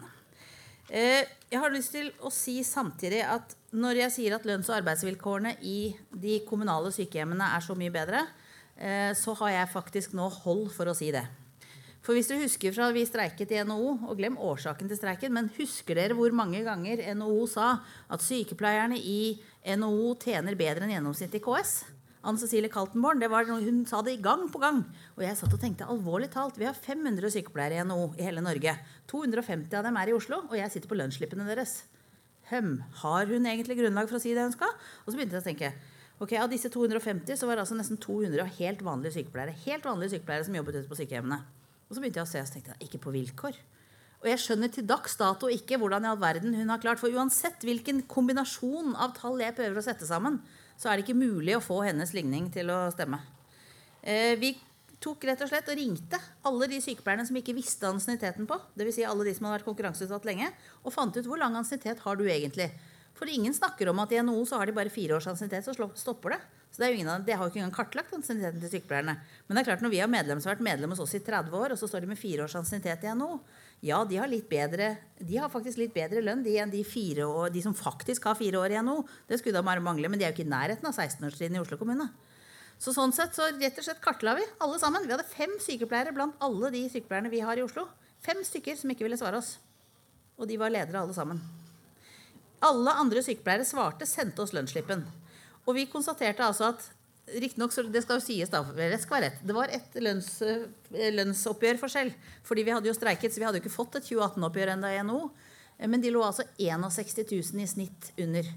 Det var åtte sykepleiere i hele Oslo som tjente bedre i NHO enn det de gjorde. Så myten også om at man tjener så bra i privat sektor, bare tull. Og vi kan dokumentere at det ikke er riktig. Og av de åtte så har de fleste sluttet sånn by the way. Eh, så du kan si det at vi kan altså dokumentere at det er en elendig lønnsutvikling i NHO. Eh, vi kommer til å fortsette. Nå er det ganske lett. Eh, fordi vi har hatt et prosentoppgjør, så har vi altså en enda større forskjell nå. Som vi har liksom kommet ett, nei, ett lønnsoppgjør videre i begge sektorene. Så her er det altså store forskjeller. Men så tror jeg samtidig at vi jeg tror vel, Når jeg ser utover dere, så vil jeg tippe at de fleste av oss egentlig er ganske enig i det jeg sier nå. Det er liksom ikke mange som sitter og tenker at dette er hårreiste ting som Sykepleierforbundet kommer med. Men det vi også må vite, det er at det er ikke bra for oss når vi vet at Uraniumborghjemmet, som akkurat er rekommunalisert Noe av det første som skjer, de blir rekommunalisert 1.6. Det er kanskje ikke helt første, men noe av det første som skjer, er at de kutter i sykepleierbemanningen. Så vet jeg at det er fordi at man har ikke klart å ta i kutt fordi det har vært en privat kontrakt. ikke sant? Så man måtte ta kuttene på de kommunale. Jeg skjønner det, jeg vet årsaken. Men det er ikke lett for meg å møte medlemmene mine og si det at vet du hva, ja, dere ble rekommunalisert, ja, dere har fått bedre lønn, men sorry, medaljens bakside er at dere nå går ned på sykepleierbemanning. Tatt i betraktning hvor utrolig vanskelig det er å rekruttere sykepleiere, så syns jeg det er innmari synd. Så det kan jeg love deg at det har jeg tatt opp med byrådsavdelingen. Det er ikke greit. Eh, jeg eh, håper at hvis vi er i streik på fredag, så håper jeg at eh, da er vi i streik fordi de har så mye dårligere betingelser i NHO enn det de har i kommunen. Da håper jeg at alle dere støtter oss i den streiken, som kommer til å bli lynkort før vi blir tatt ut på lønnsnemnd. Riktig. Ja. Takk skal du ha, Line. Uh, jeg har lyst til å bare nevne for dere som er her Vi har prøvd å lage de facto overfor velferdsstaten denne rapporten som heter 'Veien mot profittfri velferd'. Erfaringer fra fem storbyer, hvor bl.a. Oslo kommune er med, men også Tromsø, Bodø uh, og Trondheim. Uh, og det er jo rett og slett for å si hva, hvordan gjør vi det? Hvordan gjør vi det innenfor et, et system at det, det, er mulig? Så, så, så, det er mye på gang. Men jeg har lyst til å bare ta aller først Jeg så i dag så var det en markering for Fodora-streikene, de sykkelbudene. Og hvilken fane er det som står der sammen med alle de andre LO-fanene? Sykepleierforbundet. Og Arbeiderpartiet i Oslo. Ja, ja. Men nå har jeg lyst til å si nettopp for ikke sant? Der var, Det var mange som sto, men av en ikke-LO-fane så var også Sykepleierforbundet. Og når nå Lina sier at det, det kanskje blir streik på fredag, så er det noe med at det er vi mange som skal være solidariske der òg. Um, så er det sånn at um, vi kommer til på disse temaene som er tatt opp her. Så vil jeg gå ut fra at vi i Politisk pub kommer til å forfølge de tekniske tingene, utdanningstingene, eh, helsetingene videre. Men hvis dere har lyst på en kort sånn innspill før jeg åpner opp for, for, eh, for heter det, salen, for da tenker jeg dere kan komme opp etter hvert og stille spørsmål, kommentere her i denne mikrofonen, så kan dere gjerne be om ordet nå. Er det noen som har lyst til å si noe? Se her, da men vær korte. Ikke sant? Dere kan ikke svare på alt. Ta, og så Velg dere ut noen temaer, og så får dere en oppsummering litt etter hvert. Da tar vi det Ja, Frode? Ja, takk for det. Eh, det er som du sier, altså her har både Rune, Thomas og Line sagt uh, veldig mye, så jeg tror at eh, vi fem her kunne jo sikkert snakka resten av kvelden om det. Men jeg er glad for måte, det både Rune, Thomas og Line sier, og det illustrerer på en veldig bra måte det at dere ser og forteller om at Oslo har tatt en annen retning nå enn hvordan det var, det er jo på en måte veldig gledelig for meg å høre, men det er ikke noe overraskende. For vi har jo løpende kontakt og sånn hele veien, og det er jo det jeg håper på også når vi vinner valget eh, om eh, noen få dager, at vi skal fortsette det samarbeidet. Så vil vi ikke alltid være enige, og det illustrerer jo denne samtalen her også, at vi ikke antakeligvis kommer til å være enige om alt. Men utålmodigheten som dere viser, det er det som gir oss styrke til å til å fortsette, til å gjøre jobb hver eneste dag for at arbeidsfolk i Oslo skal merke at det er en forskjell på når vi styrer, og når de andre styrte før. Eh, og så er jeg på en måte litt overraska over at ingen nevner da det vi gjorde med strømnettet. Altså Det mener jeg det er den største seieren for oss alle mm. i løpet av denne perioden. her sånn. Mm. Vi tok tilbake Hafslund på kommunens hender. Det mener jeg dere burde klappe for hver eneste dag dette byrådet styrer. Det er ti år siden André Støylen, og dere husker han, han var finansbyrå og prøvde å selge. Men det er Vi skal være uenige, Thomas, enten det handler om eh, et eller annet sekstimersdag eller EØS eh, e eller sånne ting. Men la oss i hvert fall være enige om hovedlinjene. Og det er at det er en forskjell. Og Arbeiderpartiet byråd er garantisten eh, for det. Jeg tror jeg stopper. Jeg, jeg har lyst til å kommentere alt dere har snakka om, men jeg er helt sikker på at vi skal få god anledning til å snakke sammen når vi har vunnet valget også. Du skal bli fulgt opp på Fognerparken og renhold og busser, du, Frode, etter hvert. Ja, godt, ja bare si det. Sånn. Jo, men vi er Arbeiderpartiet, og dere kjenner Arbeiderpartiet. Jeg kan ikke stå og love like mye som uh, alle dere og si ja til alle ønskene her. For vi er et parti som jobber skikkelig med tingene. Altså, ta Oslo-modellen. Ta Oslo-modellen. Hvor mye har vi jobba med den? Det var ett punkt i programmet vårt til alle. Vi ønska mer seriøst arbeidsliv. Men vi har jobba med Robert har jobba med den hver jævlig dag siden han overtok.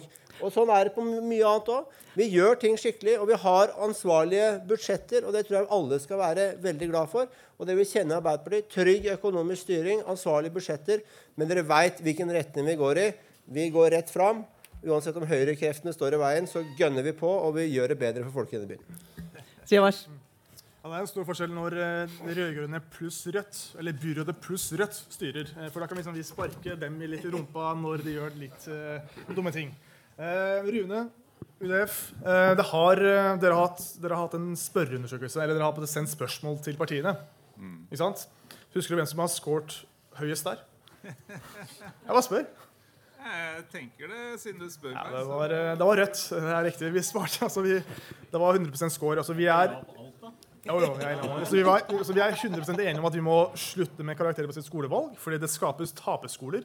Vi må slutte med styk, stykkprisfinansiering. fordi det skaper mer konkurranse mellom skoler. Og det blir større fokus på omdømmebygging. Eh, vi må få inn flere læringstilbud med, garanti, altså med læringsgaranti i Oslo-modellen.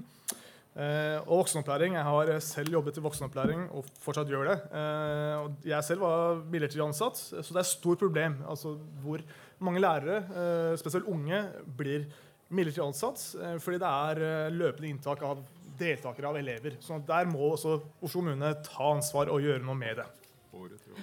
Ja, året. Thomas, vi er helt enige om at vi må ta flere tjenester tilbake. Parkdrift, renhold i skolen, eh, avløpsrenseanlegg, anleggsvirksomhet på vann- og avløpsnettet, snøbryting, veldig av vei, blant annet. Disse her må kommunen ta tilbake, og hvis dere gir oss 50% så skal jeg love at vi kommer til å gjøre det. Uh, og så veldig kort nå. Ja, kort nå. Line, ja, veldig kort. Line, vi støtter dere hvis dere streiker. Vi, vi er glad i kampvilje og partipolitiske uavhengige fagbevegelsen. Uh, så vi støtter dere 100 uh, eh, Når det gjelder privat ideelle, så, så, mener vi at så lenge det finnes et kommersielt marked, uh, så blir også ideell, privat ideelle tvunget til å eh, dumpe på de ansattes lønn og pensjonsvilkår eh, for å vinne anbud. Og Vi har også hørt om tariffhopping, altså at man bytter på tariff eh, etter at de har vunnet et anbud. Eh, så at løsningen på det, det er å slutte med anbud og ha tjenester i egen regi. rett og slett. Ja, så ja, vi ting, gjør det det. Jeg tar runden, så skal du få bare en liten replikk, du, Line. Men Bjørn? Ja. Takk skal du ha. Eh, mange sier at Senterpartiet er et nei-parti, så nå skal jeg si fem ja. ja til rekommunalisering av tjenester og, og, drift i egen regi der man kan det. Ja til gode arbeidsbetingelser, lønns- og, og arbeidsvilkår, sånn som du snakka om for Sykepleierforbundet. Ja til mye bedre bydelsøkonomi. Bydelene trenger mer penger for å kunne sjøl sette i gang tiltak som de ser at er riktig i sin bydel. Ja til å skrote såkalt fritt skolevalg, eller karakterbasert skolevalg. Og ja til å ta tilbake parkdrift jeg bor selv i Grünerløkka bydel, og de har fortalt meg at Grünerløkka drifter parken sin sjøl. Og da kan du bruke den bl.a. til dyrking. Man bruker det til prosjekter for ungdom som har falt utenfor. Og det er mye, mye man kan gjøre. Og Senterpartiet liker alt som er grønt og planter og en, en god grønn by. Så det, det, var, det, vil jeg gjerne høre mer om etterpå. Ja. ja. Er eh, enig, vi er også enig i at den modellen man har nå med fritt skolevalg for de som har gode karakterer, det er ikke noe god modell. Eh, og jeg gleder meg veldig til å få se hvordan vi skal få løst dette. Eh, for jeg ser jo en andre enden at gutta mine, som også bor på Bøler, eh, kan nok tenke seg at etter at de har gått på barnehagen bak Ulsrud videregående og så på barne- og ungdomsskolen ved siden av Ulsrud videregående, kanskje er klare for en annen skole da enn Ulsrud. Sånn at man slipper å gå samle skoleveien hele, hele skolealderen. Så igjen et eller annet system for å at man kan søke seg bort fra sitt uh, nærområde hvis man har lyst til det, det, det er klokt, uh, tror jeg, for ungdommen. Så det blir veldig bra å få sett på. Uh, graving, rør av vann og sandfang. veldig spennende. Det der er noe som jeg har lyst til å lære mer om. hvordan vi kan få gjort det der mer effektivt og bedre. Og det hullet du snakket om etter at Oslo Vei har blitt borte. Og så har jeg lyst til å si til Senterpartiet at uh, eh, MDG vi er for EØS-avtalen. Uh, eh, og jeg tenker at Det som er viktig her, er for å huske på at vi laget Oslo-modellen for seriøst arbeidsliv innafor EØS-avtalen. Det går an. Det som virkelig er viktig nå, det er å sørge for at disse frimarkedsgærningene i Storbritannia ikke får lov å komme inn i EØS-avtalen. Det er en kommunepolitikk. Arvid? Eh, takk for det. Eh, det var mange innspill, men vi kommer noenlunde greit ut av det. Så jeg håper dere sier til deres medlemmer stemmer rød-grønt tydelig. Det regner jeg med dere gjør. Line, det høres ut som dere har en lang og seig kamp mot NHO. Jeg ønsker deg all lykke videre til det. Det er nok flere kamper som står rundt hjørnet. Eh, Thomas, Eh, vi i SV jeg fikk ikke gjennomslag på årsmøtet for et teknisk driftssenter som jeg lovte dere å kjempe for. Så det er en kamp jeg må ta om igjen i SV. Men ellers har vi fått eh, på plass eh, at kommunen skal ta imot flere lærlinger.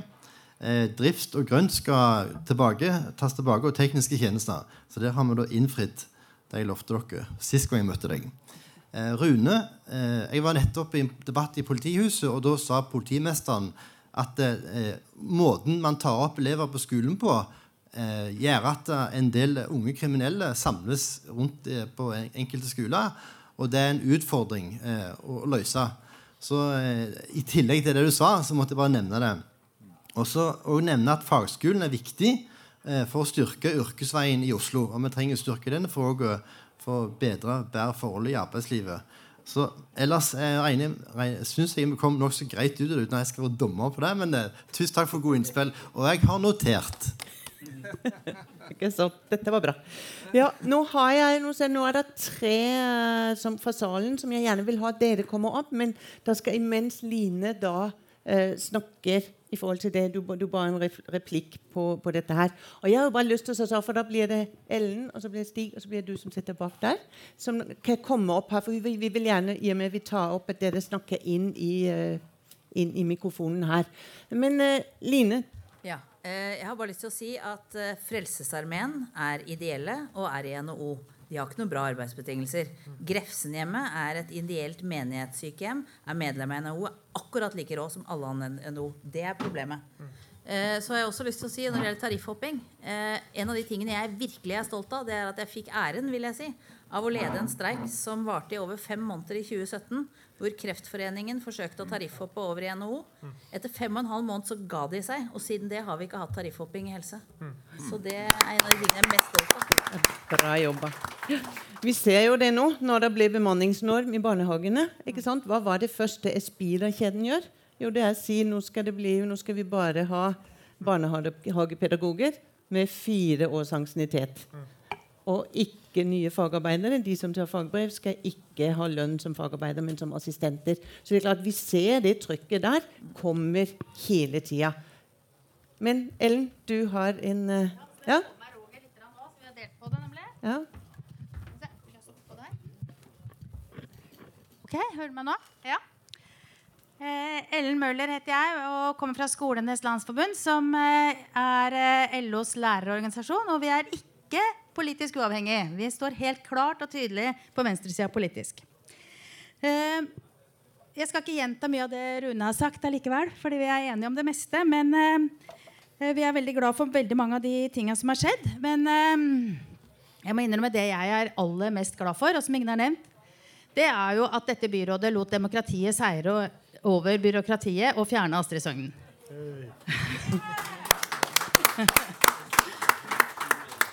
Endelig så kan vi puste litt friere. Eh, men vi har én ting som fortsatt eh, henger over oss, og som jeg utfordrer dere til å, gjøre noe med. Det er det som kalles for jeg må lese det, for jeg synes det er så vanskelig å huske, tjenestelig tilrettevisning. Som var bl.a. det som eh, Malkenes ble utsatt for. og som fler, og det, han, han, er liksom den som har gjort det berømt. holdt jeg på å si. Det er også en muntlig såkalt påtale som blir liggende i mappa di for resten av livet skriftlig. Eh, og flere av våre tillitsvalgte i SL har blitt utsatt for det. Det fins fortsatt en rekke rektorer som er små Astrid Søgner.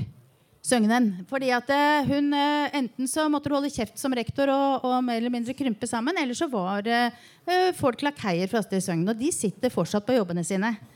Og det skal vi ikke glemme. Uh, uh, og at det skjer fortsatt sånne tjeneste, tjenestelige tilrettevisninger. Har dere tenkt å få det vekk? Eh, for å fullføre, Og det er en viktig del av tillitsreformen. Selv om det eh, rammer få, så er det såpass viktig. Så jeg har lyst til å nevne et par ting til. Det er viktig, veldig viktig for oss med at de tekniske tjenestene Jeg er eh, avdelingsleder for teknikk og industriell produksjon på Etterstad videregående skole. Og for oss så er de tekniske tjenestene viktige eh, lærebedrifter. Vi eh, savner de som har blitt nedlagt, og vi savner for ikke å si minst Oslo havn. Skjer det noe der? Eh, og aller sist eh, spørsmål om dimensjonering. Vi vet nå at det står minst 10-12 elever har venteliste for å komme inn på bygg. De har blitt sendt til oss på TIP og andre steder. på teknikk og industriell produksjon, eh, Fordi det ikke er en aktiv dimensjonering i Oslo. Det er behov for folk i bygg. Det står to tomme bygghaller, en på Sogn og en på Bjørnholt, eh, som er nedlagt. Det er en del sånne ting som må ryddes opp i. Da må du, da får du være kort, uh, ja. bare sånn, uh, så det blir litt plass til flere. Mm. Ja, det er Roger. Jeg er da uh, lederen i Skolenes landsforbund. Uh, og jeg, skal bare en liten kommentar til, uh, til Rune uh, i forhold til vaktmesteren. Vi hadde en liten finger i spillet med når vi diskuterte om å få dem inn, vi også. men det er én ting jeg sitter og lurer på. Har, eh, jeg er også lærer. Jeg er ikke bare sånn tillitsvalgt. Eh, jeg er lærer eh, på yrkesfag, og jeg har service og samferdsel. Der har vi en del elever med ytterst kort botid, og de er ikke fullt så gode i norsk. Og så står det i opplæringsloven for videregående hvis dere går inn på paragraf 3-12, så står det at ved behov så kan de ha opplæring på morsmål. Det har vi ikke i Oslo. Hvem av dere har tenkt til å gjøre og jobbe for at vi får inn morsmålslærere der det er behov? Eh, også hvorfor de kommer til videregående med så dårlig norsk, det må vi også se på. For det er jo noe som skjer i forkant for at vi da får inn elever som kan tre ord, eh, skrive tre ord. I, i, de sliter med det. altså. Og det må vi få gjort noe med. Eh, For vi kan ikke lære dem mestring hvis de ikke forstår og ikke kan kommunisere med oss. Og vi skal lære dem et yrke. Hvordan skal vi få det til? Hadde vi kunnet kommunisert på det språket de skjønner, så kunne vi fått dem ut i læra. Og da hadde det blitt folk av dem. Yes, takk. Takk skal du ha. Da tenker jeg Nå er det Trond, og så var det en til som ba om ordet her. Det var du. Og så Ja, for du kommer etterpå. Så blir det, så blir det ikke, Nei, da blir det Stig først. Så blir det du. Og så blir det så blir det Trond, og så blir det Roy. Og så tror jeg vi er nødt til å stoppe denne sesjonen, for disse politikerne våre må få prate. Og så tenker jeg at dere noterer. Ikke sant? Og det betyr at dere vet hva dere må gjøre. Ja. Hei, jeg heter Stig Berntsen. Jeg er hovedtillitsvalgt for Fagforbundet i Helseetaten. Og så er jeg også en av de faglige kandidatene til Rødt. Eh, jeg, alle, jeg tar for gitt at de som sitter her altså det, det er liksom ikke noe vits i å diskutere at du ikke skal ha Frp og Høyre tilbake. Og da mener jeg det blir et problem, sånn som Ap og Frode Jacobsen sier her, at det, nå får vi først vinne valget, og så får vi diskutere hvilke krav dere skal ha til oss etterpå. Jeg mener Sammensetningen av den alliansen her er helt avgjørende for hva vi får igjennom. Og da må også politikerne faktisk kunne forplikte seg til en del ting i valgkampen. Eh, jeg har vært på en del debatter, sånn at dette blir femte gang jeg reiser det samme spørsmålet som jeg ikke så langt har fått svar på. Jeg har prøvd i avisen nå, men jeg har lært at partiene ikke svarer på innlegg i avisen under en valgkamp. Eh, og dette går på bemanningsbyråene, for dette er viktig for oss. Bruken av de private bemanningsbyråene blir, blir brukt for å hindre våre medlemmer i å få stillingsutvidelser og faste ansettelser. Oslo kommune brukte 81 millioner kroner rett ut av vinduet, som burde vært brukt på faste ansettelser i fjor. Rammekontraktene med alle, eh, alle med, med bemanningsbyråene de går ut i januar neste år. Rødt har invitert nå de andre partiene med på å avvikle denne høyrepolitikken fra og med januar neste år. Det er et ja eller nei-spørsmål, og vi forventer faktisk at de klarer å gi et svar på det før valget. Og så ett spørsmål til. Eh, Reinhold. Eh, I helseetaten så er det utelukkende ved legevakta i Storgata at vi har kommunale renholdere. Det innebærer at vi har 16 medlemmer, hvorav 9 jobber mellom 40 og 60 eh, For ikke lenge siden så forlenga, arbeidsgiver for to nye år avtale med privat aktør på resten av renholdet i helseetaten. Det betyr at det er en garanti for at våre medlemmer ikke får utvida sine stilling de to åra. Vi prøvde å varsle byrådet og sa det er ikke dette mot uh, de styringssignalene byrådet har gitt. Det fikk vi bekrefta før vi ble ønska lykke til uh, opp mot arbeidsgiver. Og da blir spørsmålet uh, om to år kan mine medlemmer da forvente å få de fulle stillingene som de enkelt vil få hvis vi tar tilbake renholdet? Takk. Takk skal du ha, Stig. Da er det du, og vær snill å presentere deg. Ja, eh, Stine Sund fra Utdanningsforbundet Oslo. Jeg eh, representerer eh, barnehage. Eh, jobber til daglig sammen med Rune. Eh, Rune sa kort at bydelsøkonomien var viktig. Det er en av folk som jobber med barnehages eh, kampsaker, fordi det har så stor betydning for det daglige virket i barnehagene. Eh, Først så må jeg berømme altså, flertallet i Oslo eh, i dag eh, for eh, den jobben dere har gjort. Eh, vi merker stor forskjell eh, når det kommer til å stole på profesjonens fagkunnskap. Eh, gjennom eh, 18 år så opplevde vi at politikere gikk inn og overprøvde faglige vurderinger som vi sto i hver dag. Så takk for det. Eh, eh, og så er jeg veldig glad for, og dette er noe Utdanningsforbundet har jobba lenge for, og det er eh, å, få, på plass eh, vikarpooler i, eh, i, Oslo kommune. Eh, jeg sitter med en kartlegging som ble gjort i, i 2017 det er tre bydeler som har innrapportert kartleggingen i eh, barnehagene i sin egen bydel. Den bydelen som brukte flest vikarer, hadde i den måneden de brukte mest, 136 månedsverk av vikarbruk i de kommunale barnehagene. Dette er en bydel med 29 kommunale barnehager. Den måneden de bruker, brukte minst, var 60 månedsverk. Og her sitter vi og snakker om vikarpool, et prosjekt.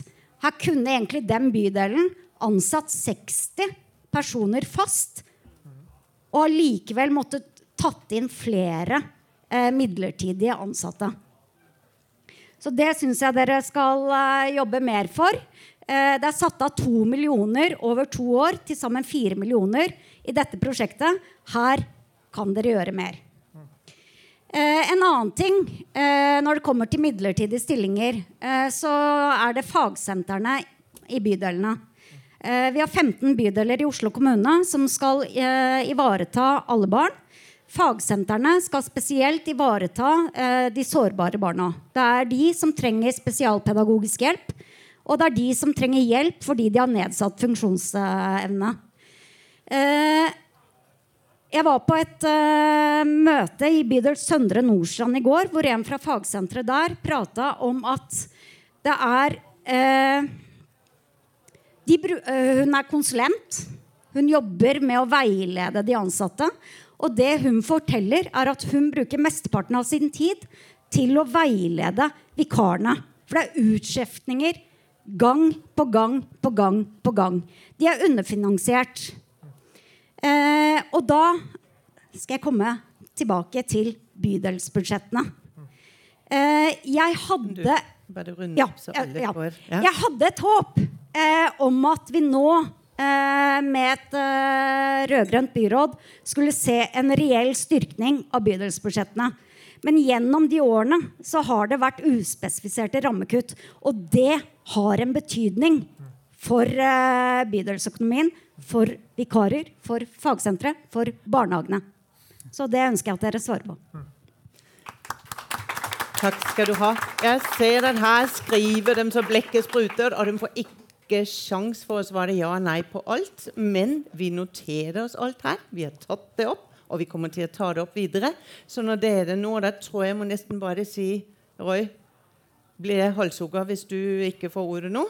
For jeg tror vi skal bare la Trond prate, og så må vi nesten la politikerne svare, og så må vi gå over til neste, til neste panel. Beklager det. Halshugging er litt lov, men ikke helt. Nei. Vær så god, Trond. Si hvem du er, og kort, kort spørsmål. Ja, Trond Grande er skolevaktmester og har jobba sammen med mange av dere for å vinne den saken uh, for skolevaktmesterne. Uh, men uh, det som er viktig for meg, er jo det at vi ikke bare hviler på våre laurbær, men at ser hva som gjorde at vi klarte å vinne den fighten. Fordi at vi slåss hver dag i alle møter vi hadde med byråkratiet, både i Utdanningsetaten og i Undervisningsbygg, fordi de ville ikke. Og jeg tror det mesteparten av byråkratiet i Oslo kommune er religiøst opptatte nyliberalister som, uh, som har gått i Tetzschner-skolen og gått i BI i alle år for å få sine posisjoner. Og da må vi stå sammen, og vi må ha klare signaler fra politikerne våre fordi at eh, Argumentet mitt hele veien i den saken der var selvfølgelig at vi har valgt inn nye politikere. Nå må dere begynne å høre på oss fordi at eh, de vil høre på oss. Og vi, vi, må vite det hver gang at vi har politikere som sitter der, som hører på oss. Da kan ikke vi ha byråder som, uh, som går til rettssak mot våre medlemmer og når Fagforbundet kjører sånne saker. Det, det, det er tillitsbrudd som er veldig alvorlig. Er, kan, sånn kan vi ikke ha det.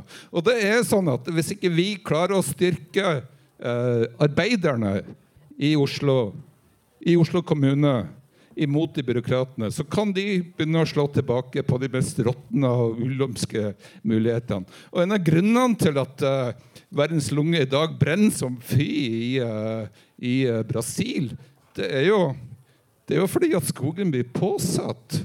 De, de, de, de har en, fått en president som tidligere var statsansatt, ansatt i uh, domstolene samarbeider med påtalemyndighetene for å få, få uh, Lula Arbeiderpartiet uh, satt i fengsel på falskt grunnlag. ikke sant? Det er det statsbyråkrater er villige til å bidra med for å vinne politisk makt overfor arbeiderklassen, og, og som vi alle kommer til å tape på. Så det er skal vi vinne en miljøkamp, så må vi vinne de små fightene mot vårt eget byråkrati. Vi må, vi må vise at vi står sammen på det her. Takk skal du ha. Du skal henge den der. Da tenker jeg, og det har jeg meldt før også til, eh, til partiet, Nå får de egentlig bare ett minutt hver. Det betyr at dere skal ikke svare på alt, men dere skal svare på det som er viktigst. Samtidig så mener jeg at hvis vi skal ha et samarbeid som gjør at man kan tillitsfullt si fra hva vi trenger, så er f.eks. tjenestelig tilrettevisning noe som ikke kan eksistere. At det skal følge med hele veien. Da har jeg bare lyst på Kan vi få en litt sånn hånd opp i forhold til det? For skal vi ha mulighet for å varsle, for å si fra, så er spørsmålet at dette er en sak som vi faktisk skal følge videre. Det handler om medbestemmelse, det handler om trygghet i arbeidstider. Er det noe som partiene kan gå for? At dette må vi se på og få en slutt på. At varsling må være lov. Hånd opp. Her. Det er bra. Da får dere ett minutt hver. Og så tjeneste... Nei, hva heter det? Stemmeforklaring er lov å gi underveis hvis dere følte at jeg tok dere på senga. Uh, Altså, det er en litt så spesiell ja. måte du debatterer på når du plukker ut eh, problemstillinger og foreslår håndsopprekning. Så eh, jeg er tilhenger av å jobbe med politikk på en eh, litt mer eh, ordentlig måte enn det. Men for all del, vi får eh, være med på den. litt Eh, gimmick, da, vet du, Frode. Det er greit. Vi får følge opp den ja da, altså, videre. Vi lever jo i en verden hvor eh, verdens mektigste mann eh, er på Twitter eh, hele tida og styrer verden ut fra det. Eh, så det er vel sånn det skal være. Men til tjeneste til ettervisning, jeg syns det Ellen sier er fornuftig, og det er ting vi er nødt til å se på, uten at jeg har gått inn i detaljene på akkurat det. Jeg har notert de tinga som Roger og Stig og Stine og Trond tar opp. Eh, Jeg syns det med vikarbruken som Stine eh, får fram, er eh, et kjempetankekors og illustrerer veldig bra at vi er nødt til å få til noe her. Jeg nevnte heltid deltid i stad. så Vi vi har fått økning på flere heltidsstillinger. Nesten 3000 så langt eh, i denne byrådsperioden. Men vi skal gjøre mer på det. Vi skal gjøre mer på de andre tingene. Og så har jeg litt større tillit til byråkratiet i Oslo kommune enn det Trond har. Sievers? Yes, uh, Jeg skal ikke snakke om Donald Trump og Nato, men, ja, jeg skal ikke snakke om Donald Trump og NATO, men jeg skal si noe kort om de sakene som ble tatt opp nå. Uh, tjeneste, tjenestelig tilrettevisning, få det vekk. Eh, Roger, kort botid, morsmålsopplæring. Der er vi helt på linje. Jeg jobber selv i voksenopplæring som lærer eh, og jobber med disse ungdommene. Og jeg vet hvor viktig det er eh, at disse ungdommene lærer morsmål og norsk eh, samtidig. Stine, bydelsøkonomi. Det kunne jeg snakka lenge om. Men gang på gang så har altså Rødt prøvd å styrke bydelsøkonomien. Vi har ikke fått gjennomslag, eh, men det vi har klart å gjøre, er måte få sånn, fjerna noe av det rammekuttet som har vært i bydelene. Eh, fordi vi vet at eh, Mange tenker liksom ikke over hvor viktig bydelen egentlig er for oss. Sånn, det er der vi får barnehage, der vi får sykehjem, hjemmetjenesten ja, osv. Så, og så, videre. så for at for at folk i Oslo skal få, til, få best mulig velferdstjenester der de bor, så må vi styrke bydelsøkonomien. Og det er, det er det egentlig det som er neste prosjektet vårt. Sant? Nå har vi slutta med rammekutt. Nå må vi begynne å styrke, gi mer penger. Gi mer handlingsrom til, til bydelene. Bjørn?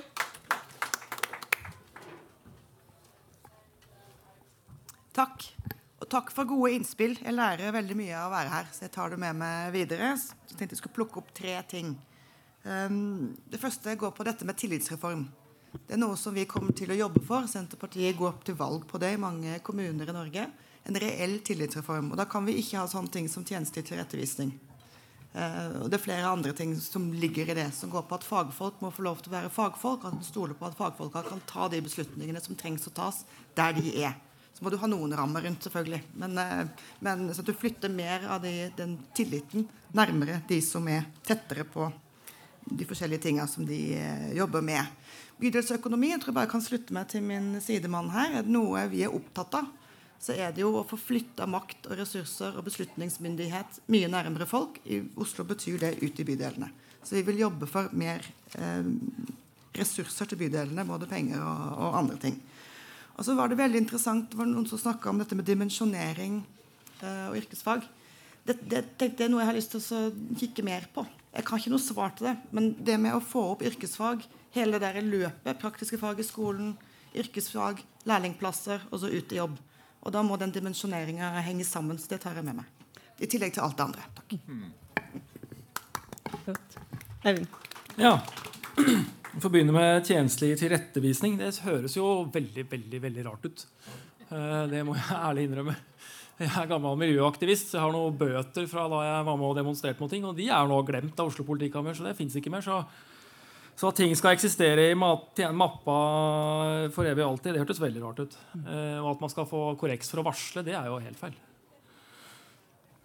Eh, så tenkte jeg skulle si at eh, vikarbruk i barnehagene det høres også veldig rart ut. Og jeg ble sittende og lure på, eller stående og lure på hvorfor, hvorfor er det sånn. Hva er det som er løsningen? Det vil jeg gjerne høre mer om. Jeg kjenner jo problematikken fra jeg sitter i bydelsutvalg sjøl. Eh, og det å få bydelen til å tilby hele og fulle stillinger og bruke flere faste ansatte og færre vikarer, er jo noe vi jobber med. Eh, ikke alltid så lett, da, for vi er 15 små politikere mot et svært eh, bydelsbyråkrati. Og vi har møter ti ganger i året eller noe sånt. Og har små ressurser opp mot administrasjonen. Men likevel så det vil jeg gjerne høre mer om. Hva er, liksom grepene, hva er de operative grepene vi skal gjøre da, for, å, for å komme ut av dette? Eh, som politiker, hva er det jeg kan foreslå og få vedtatt i min bydel? Eh, det siste er bydelsøkonomien. Det er viktig å huske på at når vi tok over, så lå det inne svære rammekutt. I Oslo kommune har sånn fireårsbudsjetter. Det lå inne svære kutt, og De kuttene har vi i praksis nulla ut. og I tillegg så har vi eh, endra på fordelingsnøkkelen mellom bydelene, sånn at en del av de bydelene som fikk, eh, kom dårlig ut før, kommer bedre ut nå. Så situasjonen er ganske mye bedre. Eh, I min bydel har vi også i de første tre åra klart å styre med et ørlite overskudd, sånn at vi har handlingsrom til å ta opp ting. som f.eks. når det skjer ting i barnevernet, eh, så har vi penger til å håndtere det. Eh, for det er et sted hvor det plutselig skjer ting, og man må inn med, med store ressurser. Så jeg er ikke helt med på at bydelsøkonomien er så dårlig som man skal ha til. Da, er det Arvid til slutt, og så eh, Ja, takk for det. Eh, Roger, du tok opp det med morsmålsundervisning. og eh, Det har dere spilt inn til SV. Kan, jeg kan gjenta det jeg sa til Fagforbundet. Det står fire plasser i vårt program som vi går til valg på at det skal gis til elever som trenger det i skolen. Eh, check. Det siste det er litt eh, det der med tjenestevis tilrettelegg... Nei, Tilrettevisning. Ja. ja. Eh, og det, jeg tenker at Hele kampen til Marte handla jo om alt det som lå i den skoleetaten som, som eh, ikke var helt offentlig da. Altså Rektorer fikk eh, mer lønn hvis de klarte å, å få flere til å få gode karakterer. og så holdt de, alt, hele den pakken, Det var mye ting som, som, var hemmeliggjort i den etaten der, som ikke tålte helt dagens lys. Og Hele saken med Marte og Søgnen handla jo om det, hele eh, Varslingsinstituttet ble utfordra og, og, på en egentlig dårlig måte, mener jeg. Så dette her, hvis det er kobla til varsling Jeg skjønner ikke helt saken. Vi har spurt Inge Marten på SMS, og vi er villige til å se på det i lag med fagforeningene for å finne ut hva, hvordan vi kan uh, komme videre uh, enn å ha en sånn situasjon som dere beskriver om i dag. Det er så langt jeg kan si. Ja, takk. Bra. takk skal dere ha. Uh, du hadde en liten kommentar på den tjenestelige rettevisningen. Ellers så sier vi det sånn nå at vi tar en pause på ti minutter. så er de sikkert klar til å servere hvis dere vil ha den ene. Og så blir det neste panel. Og da må jeg bare unnskylde til eh, at vi tok så lang tid, men her var det stort engasjement. Men bare mens vi går ut i pausen her, vær så god. På, eller? Ja. Eh, Når det gjelder tjenestelig tilrettevisning, så er jo den, eh, det er jo ikke resultatet av et partssammensatt arbeid. Det er jo på en måte i Oslo kommunes eh, personalhåndbok. Eh, Så uansett hvilke måter du liker å behandle politikk på, Frode, så tar jeg det som at det er enstemmig vedtatt eh, i panelet her nå at eh, når dere har vunnet valget, så er det inne. Da er Eller ute, mener jeg. Ja. Da... aller siste stikk. eh, Jeg tar meg den friheten her. Jeg håper dere tør å bygge vannrenseanlegg på vestkanten. Mic drop. Ja. Da er jeg helt sikker på at på dette og dette området her så har alle politikerne lært noe nytt. Uh, og da tar vi en liten kort pause, så er jeg tilbake her fem på åtte. I panel nummer to så kommer det faglige representanter fra ulike fagforeninger fra privat sektor. Her ved siden av meg har jeg Merete Solberg, som er leder av avdeling 10, Fellesforbundet hotell og restaurant. Så har vi Erik Torkelsen, som er klubbleder i Ringnes, organisert i Norsk Nærings- og Nytelsesmiddelarbeiderforbund. Og til slutt Kristine Wendt, elektriker og tillitsvalgt på både klubb- og fagforeningsnivå i LO IT-forbundet. Og vi har spurt eh, de om eh, ting. Eh, vi har spurt eh, hvordan vi skal sikre oss mot eh, sosial dumping både i byggebransjen og i restaurantbransjen. Og vi har spurt litt om dette med yrkessjåfører, jobbreiser og hvordan vi kan ivareta ulike grupper, inkludert funksjonshemmede, i en bilfri by. Vi begynner med deg, Merete, som er den stolte leder av fagorganiserte i hotell og restaurant i Fellesforbundet. Vær så god. Er den her på nå? Den er på. Først vil jeg takke for invitasjonen. Det er hyggelig å få være her. Jeg heter Merete Solberg, som Ingunn sa, og er leder for Fellesforbundet avdeling 10, hotell og restaurant. Vi organiserer alt innenfor hoteller, restauranter, utesteder og kantiner. Vi er som dere sikkert vet en meget stor bransje, og vi har et stort område å dekke. Jeg vil i dag fokusere på noen av temaene som engasjerer oss ekstra mye for øyeblikket. Dette er restaurant- og utelivsbransjen, Oslo-modell for hotell- og serveringsbransjen. Til tross for at mange i vår bransje har tunge fysiske jobber, høyt arbeidspress og med ugunstige arbeidstider, har vi medlemmer som er blant de tøffeste og mest serviceinnstilte menneskene som finnes. Uansett hvor tøft de har det på jobb, så gjør de det beste for gjestene sine, smiler og gir alle oss den beste servicen vi kan få.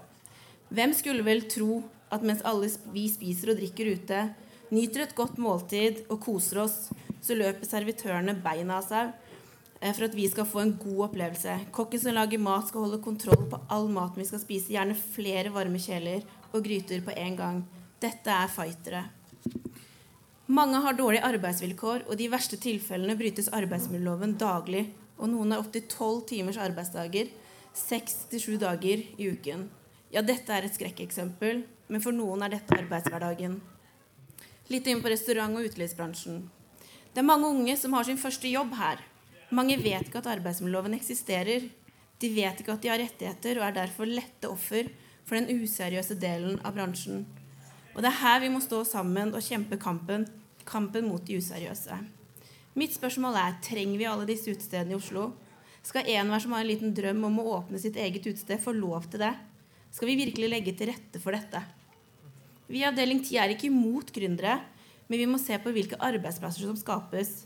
Og hva skjer når ikke det går slik de ønsket? Hvem er det som betaler når de slår seg konkurs? Her må vi se på om det kan stilles flere krav. Et minstekrav er at de må kunne, ar kunne arbeidsmiljøloven og annet relevant regelverk for å kunne få lov til å ansette andre. Vi mener at det bør gå an å legge et visst ansvar på gårdseier som leier ut til restauranter og utesteder, om at går de konkurs, kan ikke samme drift åpne opp igjen dagen etter. Går de konkurs, bør de innføres en karantenetid på at det ikke går an å åpne samme type drift på seks måneder opp til et år. Hva med de unge arbeidstakerne som har sin første jobb? Hva gjør slike arbeidsplasser med dem? Er det slik vi vil at de skal ha sitt første møte med arbeidslivet? Oslo-modell for hotell- og restaurantbransjen. Byråden i Oslo har gjort store, viktige grep for byggebransjen, og det er bra. Det gjelder mange av mine kamerater i Fellesforbundet. Men nå mener jeg tiden har kommet for at også hotell-, restaurant- og utelivsbransjen må få sin egen Oslo-modell. Vi kan nok ikke ha de samme kriteriene som, bygge, som byggebransjen, men vi vil f.eks. ha utfordringer med at det skal være minimum 50% faglærte. For her kommer vi inn på en annen utfordring. Det er nesten ingen faglærte i bransjen vår. Bransjen vår ses ikke lenger på som et yrke, men som et sted man jobber mens man studerer, eller en jobb man har før man får seg en bedre jobb. Servitør, kokk og bartender er faktisk yrker. Yrker hvor man må ha kunnskap for å utføre jobben. Vi trenger at flere utdanner seg og viderefører denne kunnskapen. Krav vi kan stille, er likevel krav til fagkunnskap, bruk av lærlinger, faste ansatte og mye mer. Vi må finne ut hvilke krav som passer til vår bransje. Det er annerledes enn bygg og anlegg, men de har den samme utfordringen med utnytting av arbeidskraft. Noe vi kan tenke på i forhold til Oslo-modellen, er alle kantinene. Det er mange som har kantiner på jobben. Her kan det stilles krav om f.eks. faste kontrakter. Kanskje vi til og med kan driste oss til at vi krever at de har tariffavtale. Disse kontraktene fornyes jevnlig, og det vil derfor være mulig å stille krav. Suksessen i Oslo-modellen handler i stor grad om at både arbeidsgiver og arbeidstakere er enig i kravene. Vil vi klare dette i utelivsbransjen?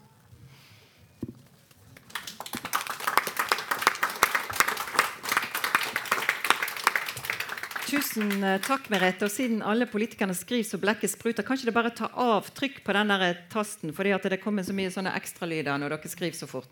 Så tar vi videre i panelet vårt her. Da kan vi ta eh, Det skrur seg på av seg sjøl. Å oh, ja, sorry.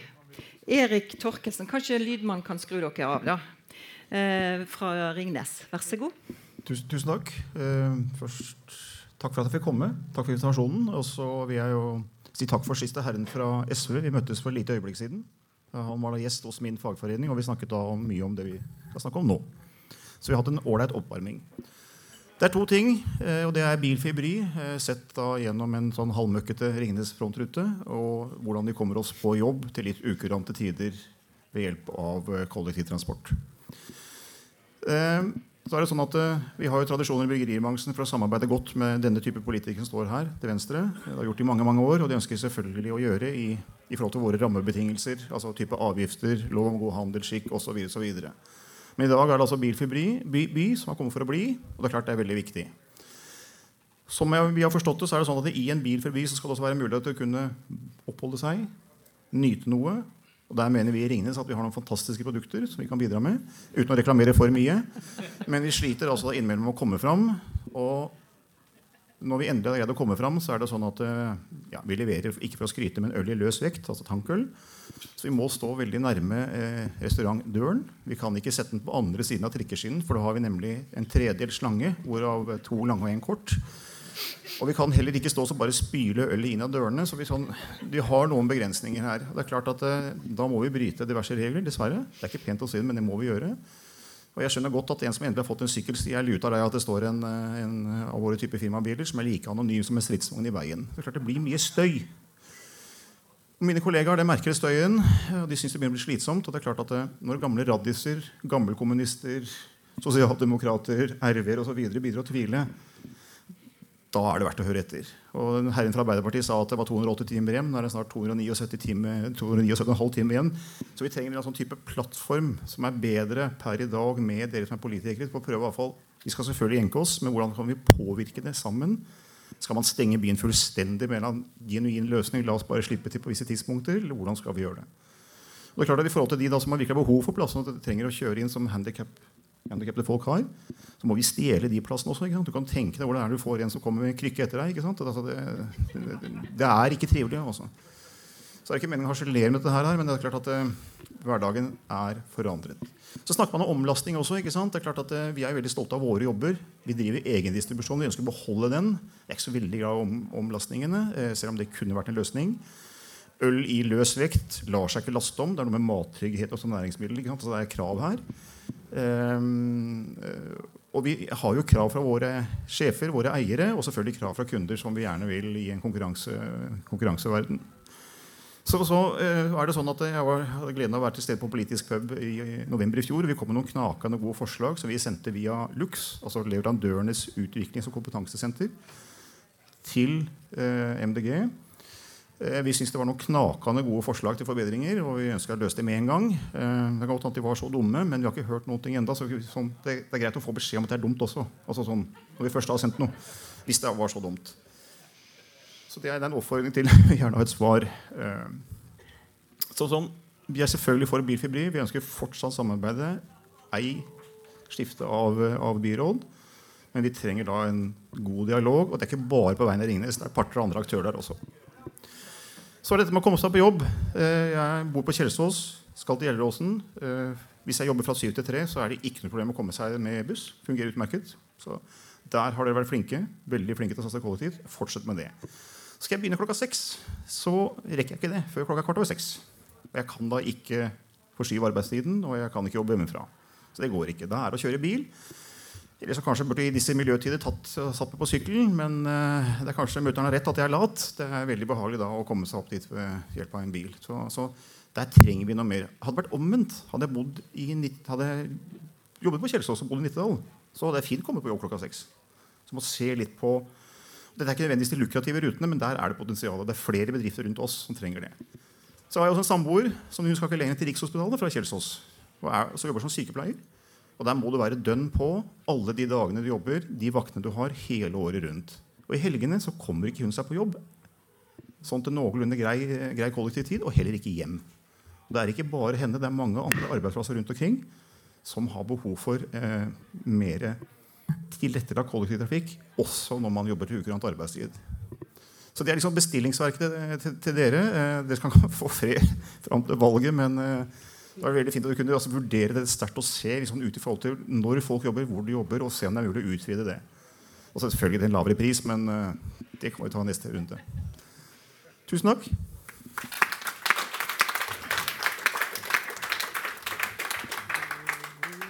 Tusen takk skal du ha, Erik. Og eh, siste ut i denne sekvensen er Kristine Wendt, elektrikeren vår. Takk. Nå, nå, blir det spenning. Jeg kunne ikke dy meg. Oi, oi, oi. Ja. Um, jeg engasjerer meg ganske mye.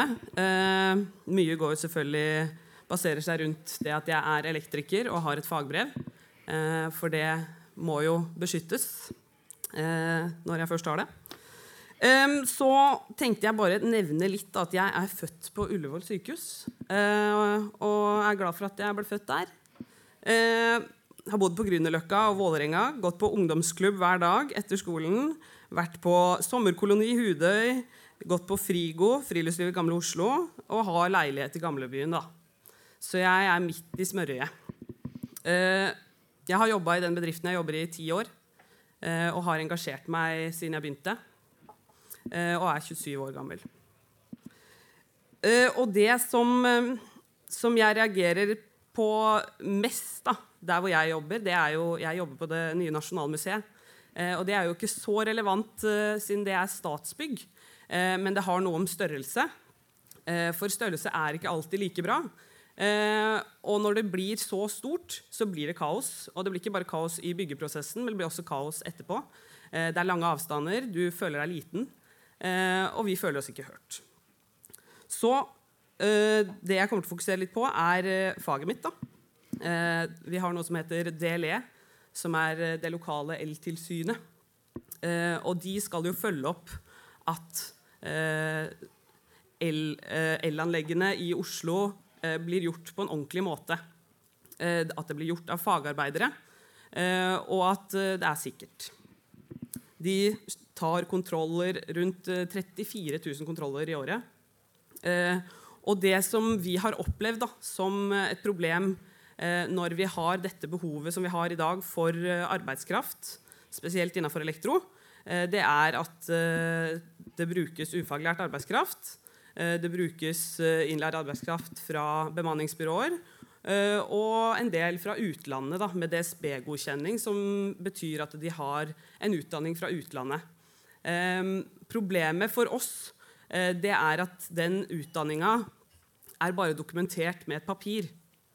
Den er ikke prøvd praktisk. Vi vet ikke hva de kan av praktisk eh, arbeid på norske anlegg. Eh, vi vet ikke om de kan eh, systemene som vi bruker, rett og slett. Eh, og det har vi blitt eh, ganske kritiske til etter å ha fått eh, flere og flere innleide fra land med og uten DSB-godkjenninger på utdanninga si. Um, og dette har jo Eltilsynet fått uh, vite mer om nå, da, uh, og sagt at uh, at det finnes ikke noe det, Altså, det å utføre et trygt anlegg i Norge, det krever kompetanse. Og da har vi behov for egentlig at utenlandsk arbeidskraft og innleid arbeidskraft har nok dokumentasjon med praktisk og teoretisk som gjør at vi kan sikre oss eh, at våre anlegg fortsetter å være trygge i fremtiden. Eh, og det håper jeg kan være et fokusområde eh, spesielt på anlegg eh, som bygges. Der hvor, der, hvor, vi bruker mye utenlandsk arbeidskraft, for det er det vi trenger i Oslo. Vi har rundt 1000 elektrikere da, som er leid inn fra bemanningsbyråer i Oslo. Eh, og på det bygget vi er på, eller jeg er på, så har vi 90 stykker med DSB-godkjenning. Så det er 90 stykker vi ikke vet hva slags utdanning egentlig har fra sitt land. Uh, og så kan vi si at uh, de fra Polen kanskje er flinkere enn de fra Romania, og de fra Sverige har lignende vår utdanning, men vi har ikke noe lik kontroll på utdanningene deres. Uh, og når det kommer til tariff, så i forhold til sosial dumping, så har jeg gått en del byggpatruljer der, der vi kontrollerer anlegg. Eh, og det som svikter mest, det er jo at eh, vi finner en del løsarbeidere. De tilhører ingen av bedriftene på byggeplassen, eh, men de er leid inn, da. Og, og da påvirker jo det lønna deres og, og pensjon. Og vi hadde jo noen hos oss som, som endte opp med å få 40% stilling etter endringene i arbeidsmiljøloven for at vi skulle bedre bemanningsbyråene sine vilkår så fikk de da 40% hvor NHO Service og Handel hadde bidratt til at denne kontrakten skulle være 40% fordi vi skulle bare ha de i fire måneder, og det var ca. 40% av året. Ca. halvt minutt nå. Ja. Um, videre så har vi også tapt et anbud eh, som var et sykehusanbud uh, mot en bedrift som hadde 66% fagarbeidere, 33% lærlinger, 100 faste ansatte. Men problemet var at de bare var tre stykker. Og de vant sykehus og måtte leie inn masse arbeidskraft fra utarifferte bedrifter. Og det syns vi er et problem når vi prøver å være seriøse og ha en seriøs bedrift. Videre så håper jeg også at Oslo-modellen kan få inn et punkt om 10 kvinner eh, for å rekruttere til byggebransjen. Eh, for jeg føler vi har behov for eh, et bedre mangfold. Takk. Takk skal du ha, Kristine.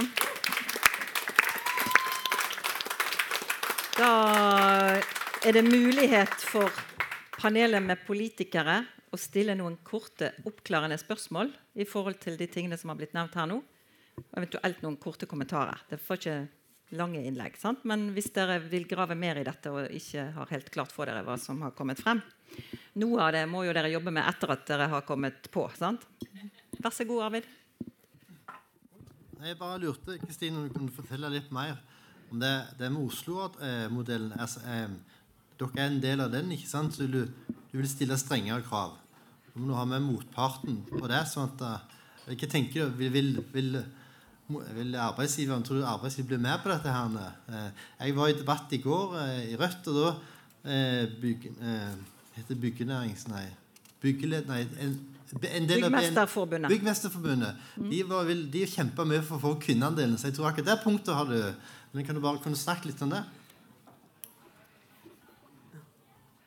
Ja. Da, da, spør dere, og så svarer du etterpå. sant? Ja, Frode? Jeg hadde et spørsmål til, eh, til eh, Merete i forhold til um, uh, altså hvordan, Om du kan si noe mer om det, hvordan du ser for deg en sånn Oslo-modell innen hotell og, og, restaurant. Jeg syns det er en spennende tanke. Um, men, men Oslo-modellen som vi har begynt med, er på bygg og anlegg, hvor kommunen kjøper tjenester.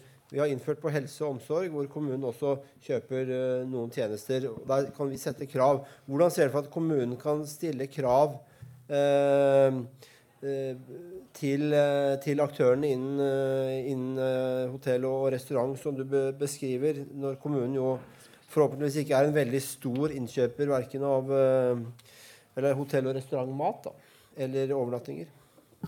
Siavash? Jeg har ikke noe spørsmål, men uh, Kort kommentar.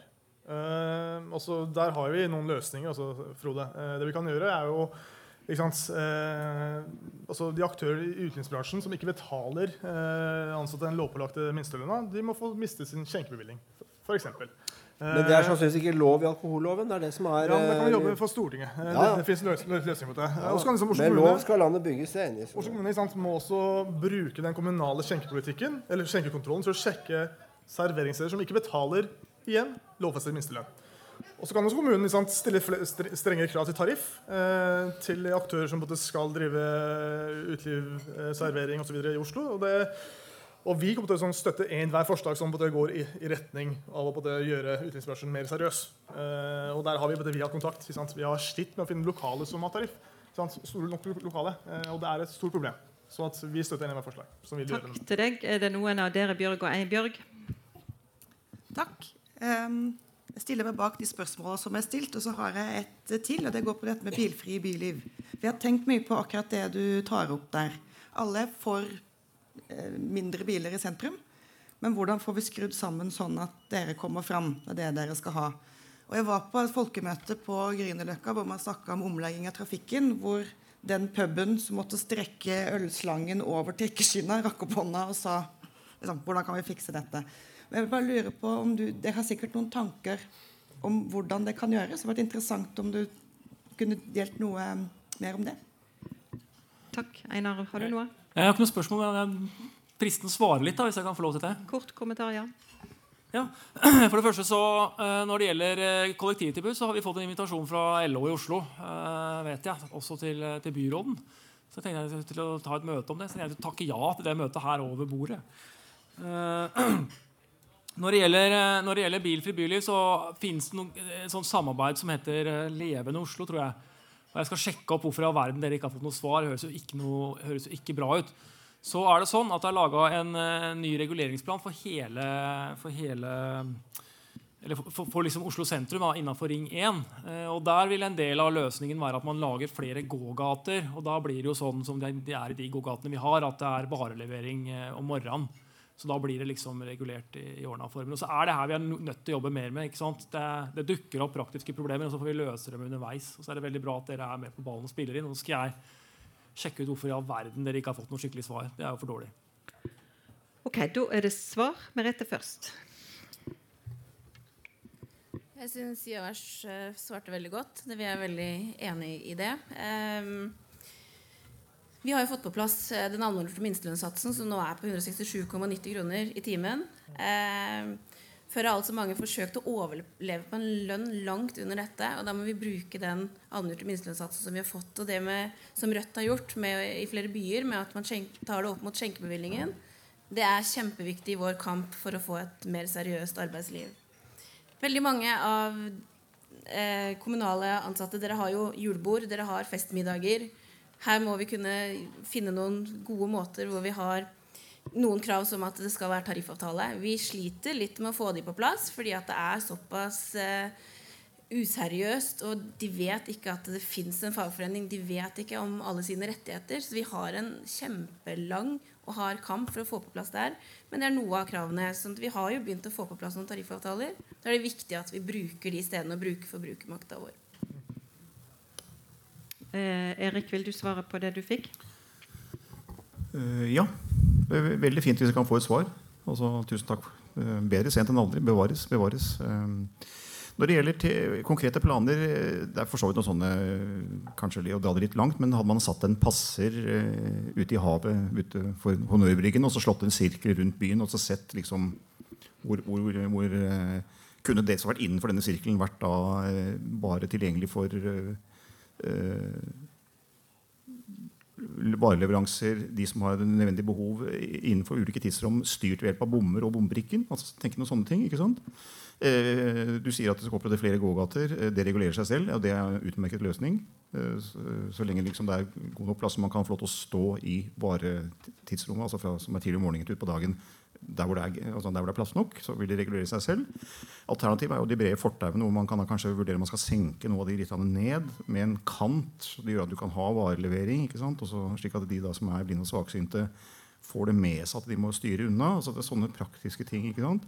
Jeg er veldig sansen for det man skulle vurdere si at Er det bilfritt, så er det bilfritt, med unntak for de og de og de og satt på spissen de da som, som, finner på å kjøre inn der, sånn, de blir stoppet av politiet. og Så får man to prikker og 5000 kroner i, i bot, f.eks. Og så betaler man et hyggelig miljøgebyr på 45 000. Altså, sånn, sånn, litt, tar litt, Og så sier man selvfølgelig fra på forhånd. og så setter de på spissen og så tenker litt sånne Kanskje litt utopiske tanker, men er det mulig å gjøre det? Så vet jeg at det kommer nye reguleringsplaner, og det er veldig fint at de kan få til å være med, men det vil alltid være kompromiss.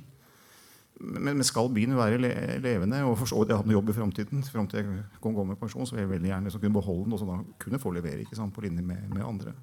Jeg glemte å si at det er oppretta en her med sånne næringsparkeringsplasser inni den. Nei, du har ikke fått ordet nå. Kristine? Ja, når det kommer til eh, kvinner i byggebransjen, så er jo min bedrift en av de som hadde mest for noen år siden. Vi hadde 17 elektrikere av 200. Så da var vi 7-8 um, Og det var uten å rekruttere så veldig mye aktivt uh, fra voksne damer som kanskje har tatt et feil valg. Uh, da var det fokus på rekruttering fra skolen. Um, og nå er vi i hele landet 4,8% i vår bedrift, hvor det er 2% i landet generelt.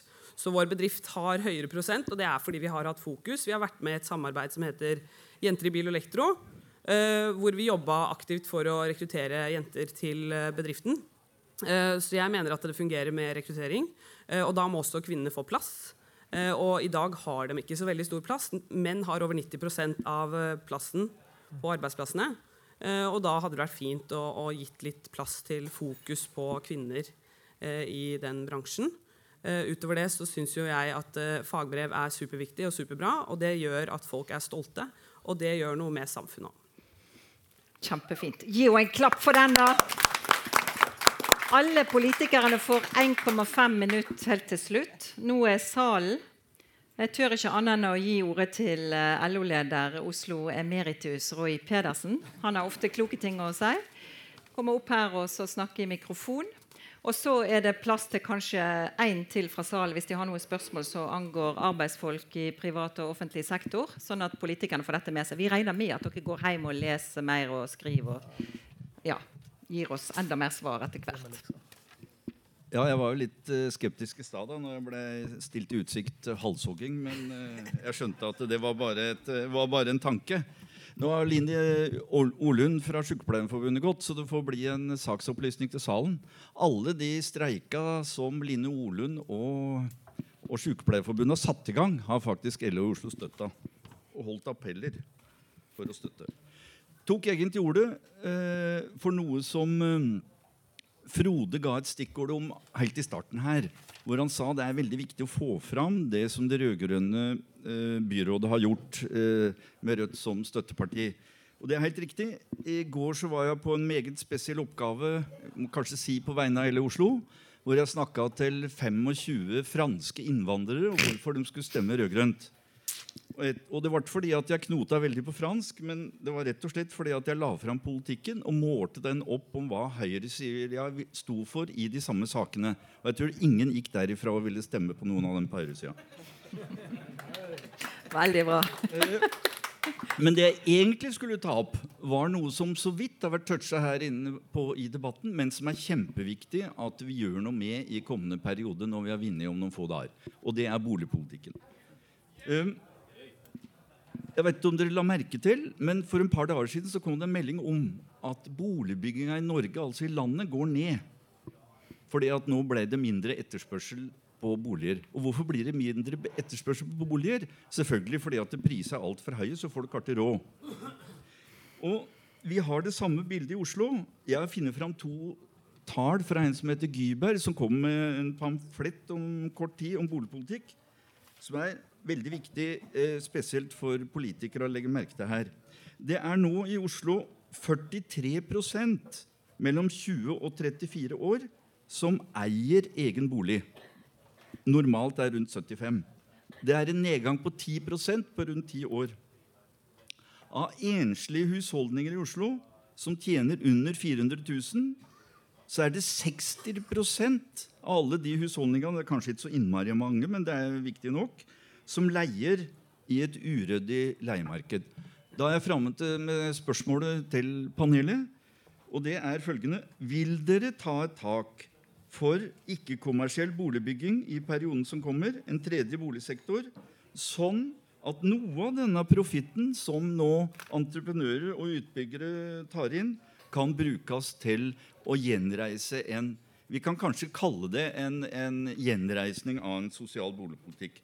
For poenget her er jo at Oslo også framover skal ha en plass for arbeidsfolk. Vi kan ikke ha en byutvikling som egentlig bare gir plass til framtidige høyrefolk. Takk for meg. Et spørsmål til. Veldig fort. Et halvt minutt. Eh, Stine Sund fra Utdanningsforbundet Oslo. Eh, dette er ikke vedtatt politikk fra Utdanningsforbundet, eh, men jeg drister meg nå allikevel å si det. Til det representanten fra hotell og restaurant eh, fremfører, så vet jeg jo at vi eh, som Utdanningsforbundet bruker mange hoteller, vi bruker restauranter i vår fagforeningsvirksomhet. Og det er ganske vanskelig å manøvrere i eh, det å bruke disse stedene ut ifra om de har ordnede lønns- og arbeidsvilkår. Så der, der, der, der, håper jeg at vi kan få et uh, større arbeid hvor, hvor, det blir lettere å, å uh, skille mellom de useriøse og de, seriøse aktørene. Uh, og når det kommer til dette med yrkessjåfører yrke, altså og miljøperspektivet, så vil jeg si at eh, Og dette er mer eh, meg. Eh, det er ingen jobber på en død planet. Det, det må fagforeningene bare innse.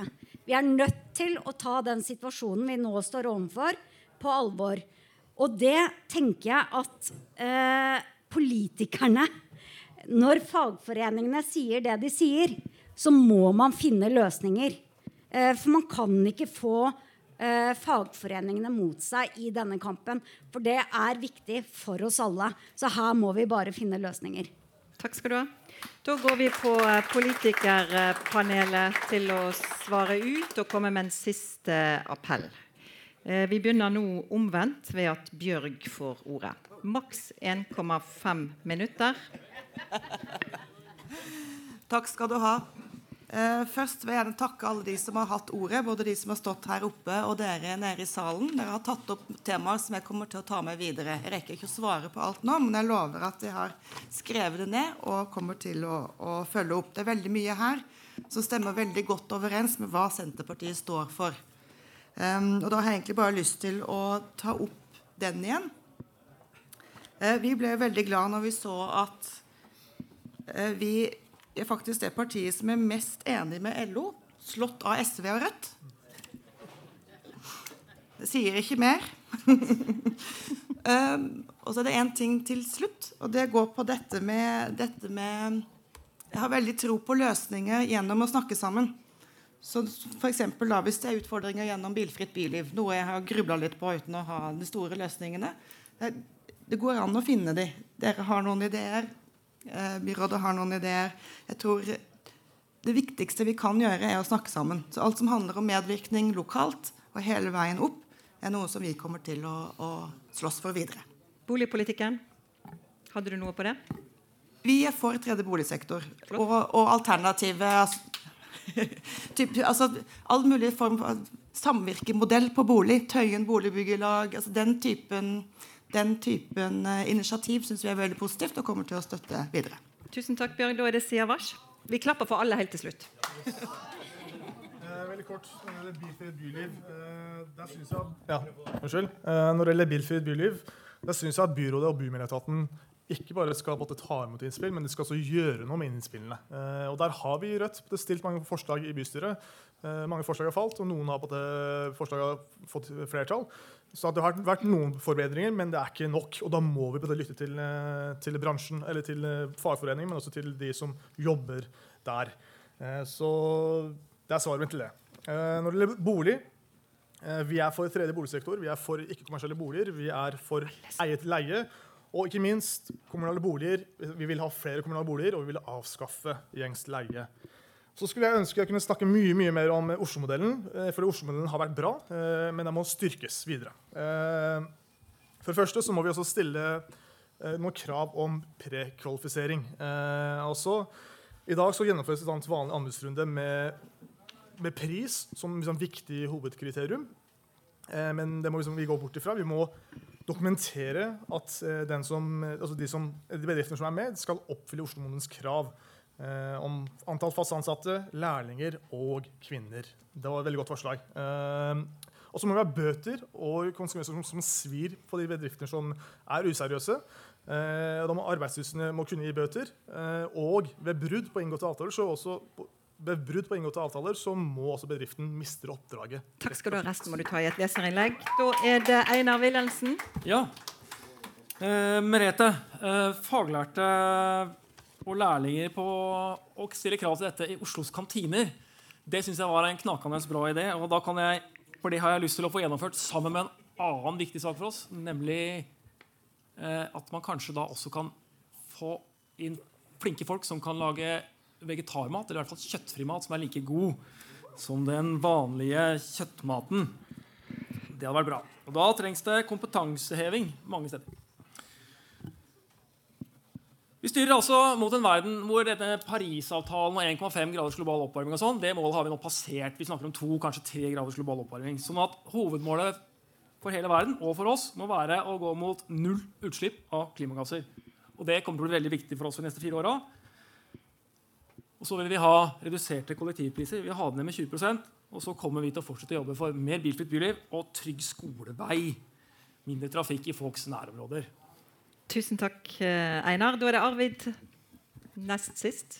Tusen takk for det. Eh, tredje boligsektor. SV har gått til valg, går til valg på å etablere eller kjøpe 1000 boliger i, tredje boligsektor. Eh, det er kanskje lite, men en god start.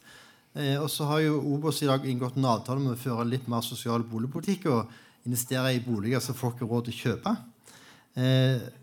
Eh, Erik, jeg var jo ikke dere i stad, og jo, hadde jo, dere hadde enormt mange spørsmål. Så jeg tror, eh, eh som jeg sa til deg i stad, eller dere, vi, må, vi, har en del å fylle opp, rett og slett. Og du nevnte jo eh, tidligere debatt at det er jo brudd på arbeidsmiljøloven i tillegg. Så det må vi få rydde opp i. Eh, og det du sier om at eh, kollektivtilbudet ikke er tilpassa eh, folks arbeidstid, det syns jeg må, virkelig må ta opp. Hvis ikke så kjører man jo bil. ikke sant? Og det, det er bra, det, men det er ikke bra òg, for å si det sånn. Tok den? Nei. Eh, når det gjelder Oslo-modellen i hotell og restaurant, så syns jeg det er en spennende utvidelse. Det har vært snakk om eh, handel og tjenestesektor. ikke sant? Eh, og jeg, jeg, er for å utvide Oslo-modellen, sånn at det kan føre til et mer seriøst arbeidsliv. Og du har nevnt mange punkter. Er det for mange i utelivsbransjen, altså få lov til å drive? Eh, kan man innføre karantene? Og, så videre, og det håper jeg dere får en god dialog med NHO eller motparten, som kan etablere en sånn avtale på det området òg. Og så nevnte du noe om utdanning, altså utdanningsveien. Og jeg er opptatt av at det, er mange yrker i dag. Dere er jo et yrke, selv du på en måte nesten avfeide det òg eh, som ikke er en utdanningsvei, enten det er på, på, som fagbrev eller på fagskole. Så jeg tror hotell og restaurant må få en utdanningsvei. Takk. Takk til deg, Frode. Helt til slutt. Ja, Er det noen her som ikke har bestemt seg for hva den skal stemme om uh, ti dager?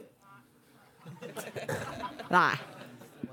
Ok, kamerater, da har dere en jobb å gjøre. Det er å gå ut og overtale de som ikke har uh, bestemt seg. Det er fortsatt mange usikre velgere som sitter på gjerdet. Eh, jeg takker for alle gode innspill. Eh, min og Arbeiderpartiets dør kommer til å være åpen for alle fagforeninger og alle LO, Oslo og andre som ønsker å komme med innspill til oss eh, de neste fire åra når vi vinner valget.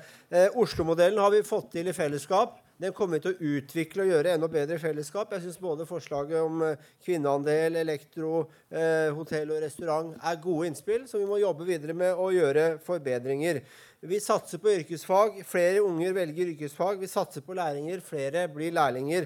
Men vi er ikke i mål. Vi har en jobb å gjøre. Bilfritt byliv. Og jeg er glad for det siste innlegget til Stine. Eh, for når vi veit hva som er den viktigste saken for velgere i Oslo, så er det klima. Det var bra Stine fikk eh, nevnt klima her også, selv om møtet handler om andre ting. Det er det som er mitt poeng. Klima er viktig. Men de tinga som dere har fått belyst i dette møtet her, er også viktig. Arbeiderpartiet har en god klimapolitikk, har en god arbeidslivspolitikk, har en god politikk som styrker fellesskapet i Oslo. Bilfritt byliv så skal vi gjøre mer. Jeg eh, syns det Erik tar opp, er veldig viktig. Eh, og her tror jeg også MDG da må lytte godt. Vi må ha til håndverkerparkering, vi må ha plass for handikappede, vi må få til varelevering. Sånn bygger vi en by som har plass til alle. Bolig, som eh, Roy tar opp. Eh, vi skal bygge mer. Obos la fram tall i dag. Arbeiderpartiet, SV og MDG er de partiene i bystyret som har stemt for flest nye boliger. RV, eller Rødt som det heter nå, unnskyld, er de som har stemt for færrest nye boliger. Det er tall som Obos la fram i dag og dokumenterer hvilke partier som er opptatt av å bygge boliger. Byrådet la fram en plan for tredje boligsektor. Den er veldig god. Jeg håper Rødt støtter den. Og Raymond, Hanna og Inga Marte la fram i dag en avtale med Obos som faktisk viser at vi får til ting i praksis. Vi får til en ny boligsektor. Vi får til flere, en ny alternativ boliger i Oslo. Det skal bli mer av når vi vinner valget. Takk for det. Da, bare, da klapper vi for uh, alle de. Jeg har bare lyst til å si at eh, For LO i Oslo sin del da, så har vi vært en del av Klimavalgalliansen og Broen til fremtiden siden 2012. Og vi vil anbefale alle å stille opp i Klimabrølet klokka 15 på fredag. Og... Jeg tenkte, Frode, det var godt du sa det, jeg har tenkt å ta med denne typen gjenger også til deg i de gruppeledersamtalene som vi har fra LO i Oslo sin side, sånn at dere får et enda bredere innblikk i uh, Oslos arbeidsliv. Og nå alle folk som er her, nå må vi bruke tida godt. Det er altså bare 10% som har bestemt seg, uh, som har forhåndsstemt. Uh, resten er i flyt. Og det går an å stå opp tidlig en og annen dag og stå på en eh, ytre øst eh, T-banestasjon. Møte noen kjekke kamerater med sånn LOE Oslo eh, vest på og vårt materiell. Og be de velge sida. Det er alltid jevnt i Oslo. Det er ingen grunn til å ta gledene på forskudd. Vi må faktisk være på alerten hele tida. Og vi forsøker å møte så mange som mulig som er litt forvirra, og som er av alt dette som har blitt med, med bompenger og litt sånn uh, uklarheter om hvem som er riktig å stemme på. Sant? Så godt valg, alle sammen. Helene, vi har en bitte liten gave ifra vi har jo ikke snakka så mye om profitt i velferden, og sånt som vi kanskje burde gjøre, men uh, vi har jo en svær og flott rapport som Helene har vært med å skrive. Eh, som også viser god dokumentasjon på det flotte arbeidet som er gjort i Oslo og i andre norske byer med å ta tilbake tjenester. Og eh, Dere får nett, og dere får den rapporten, så der det, dere rekker å lese den før helga. Så det er egentlig bare for oss alle sammen å takke for i dag og si eh, stå, løpet ut. Og nå klarte vi faktisk dette med altså bare sju minutters eh, sprekk. Så jeg håper at Ja, jeg skjønner at folk vil at vi skal følge skjemaet, fordi eh, vi har mange møter å gå på. Der er stadig vekk viktige arenaer vi ses på. Takk igjen til alle sammen. Rapportene som jeg nevnte, ligger her. Og eh, vel hjem. Takk til lydmannen og til alle som har gjort tekniske ting.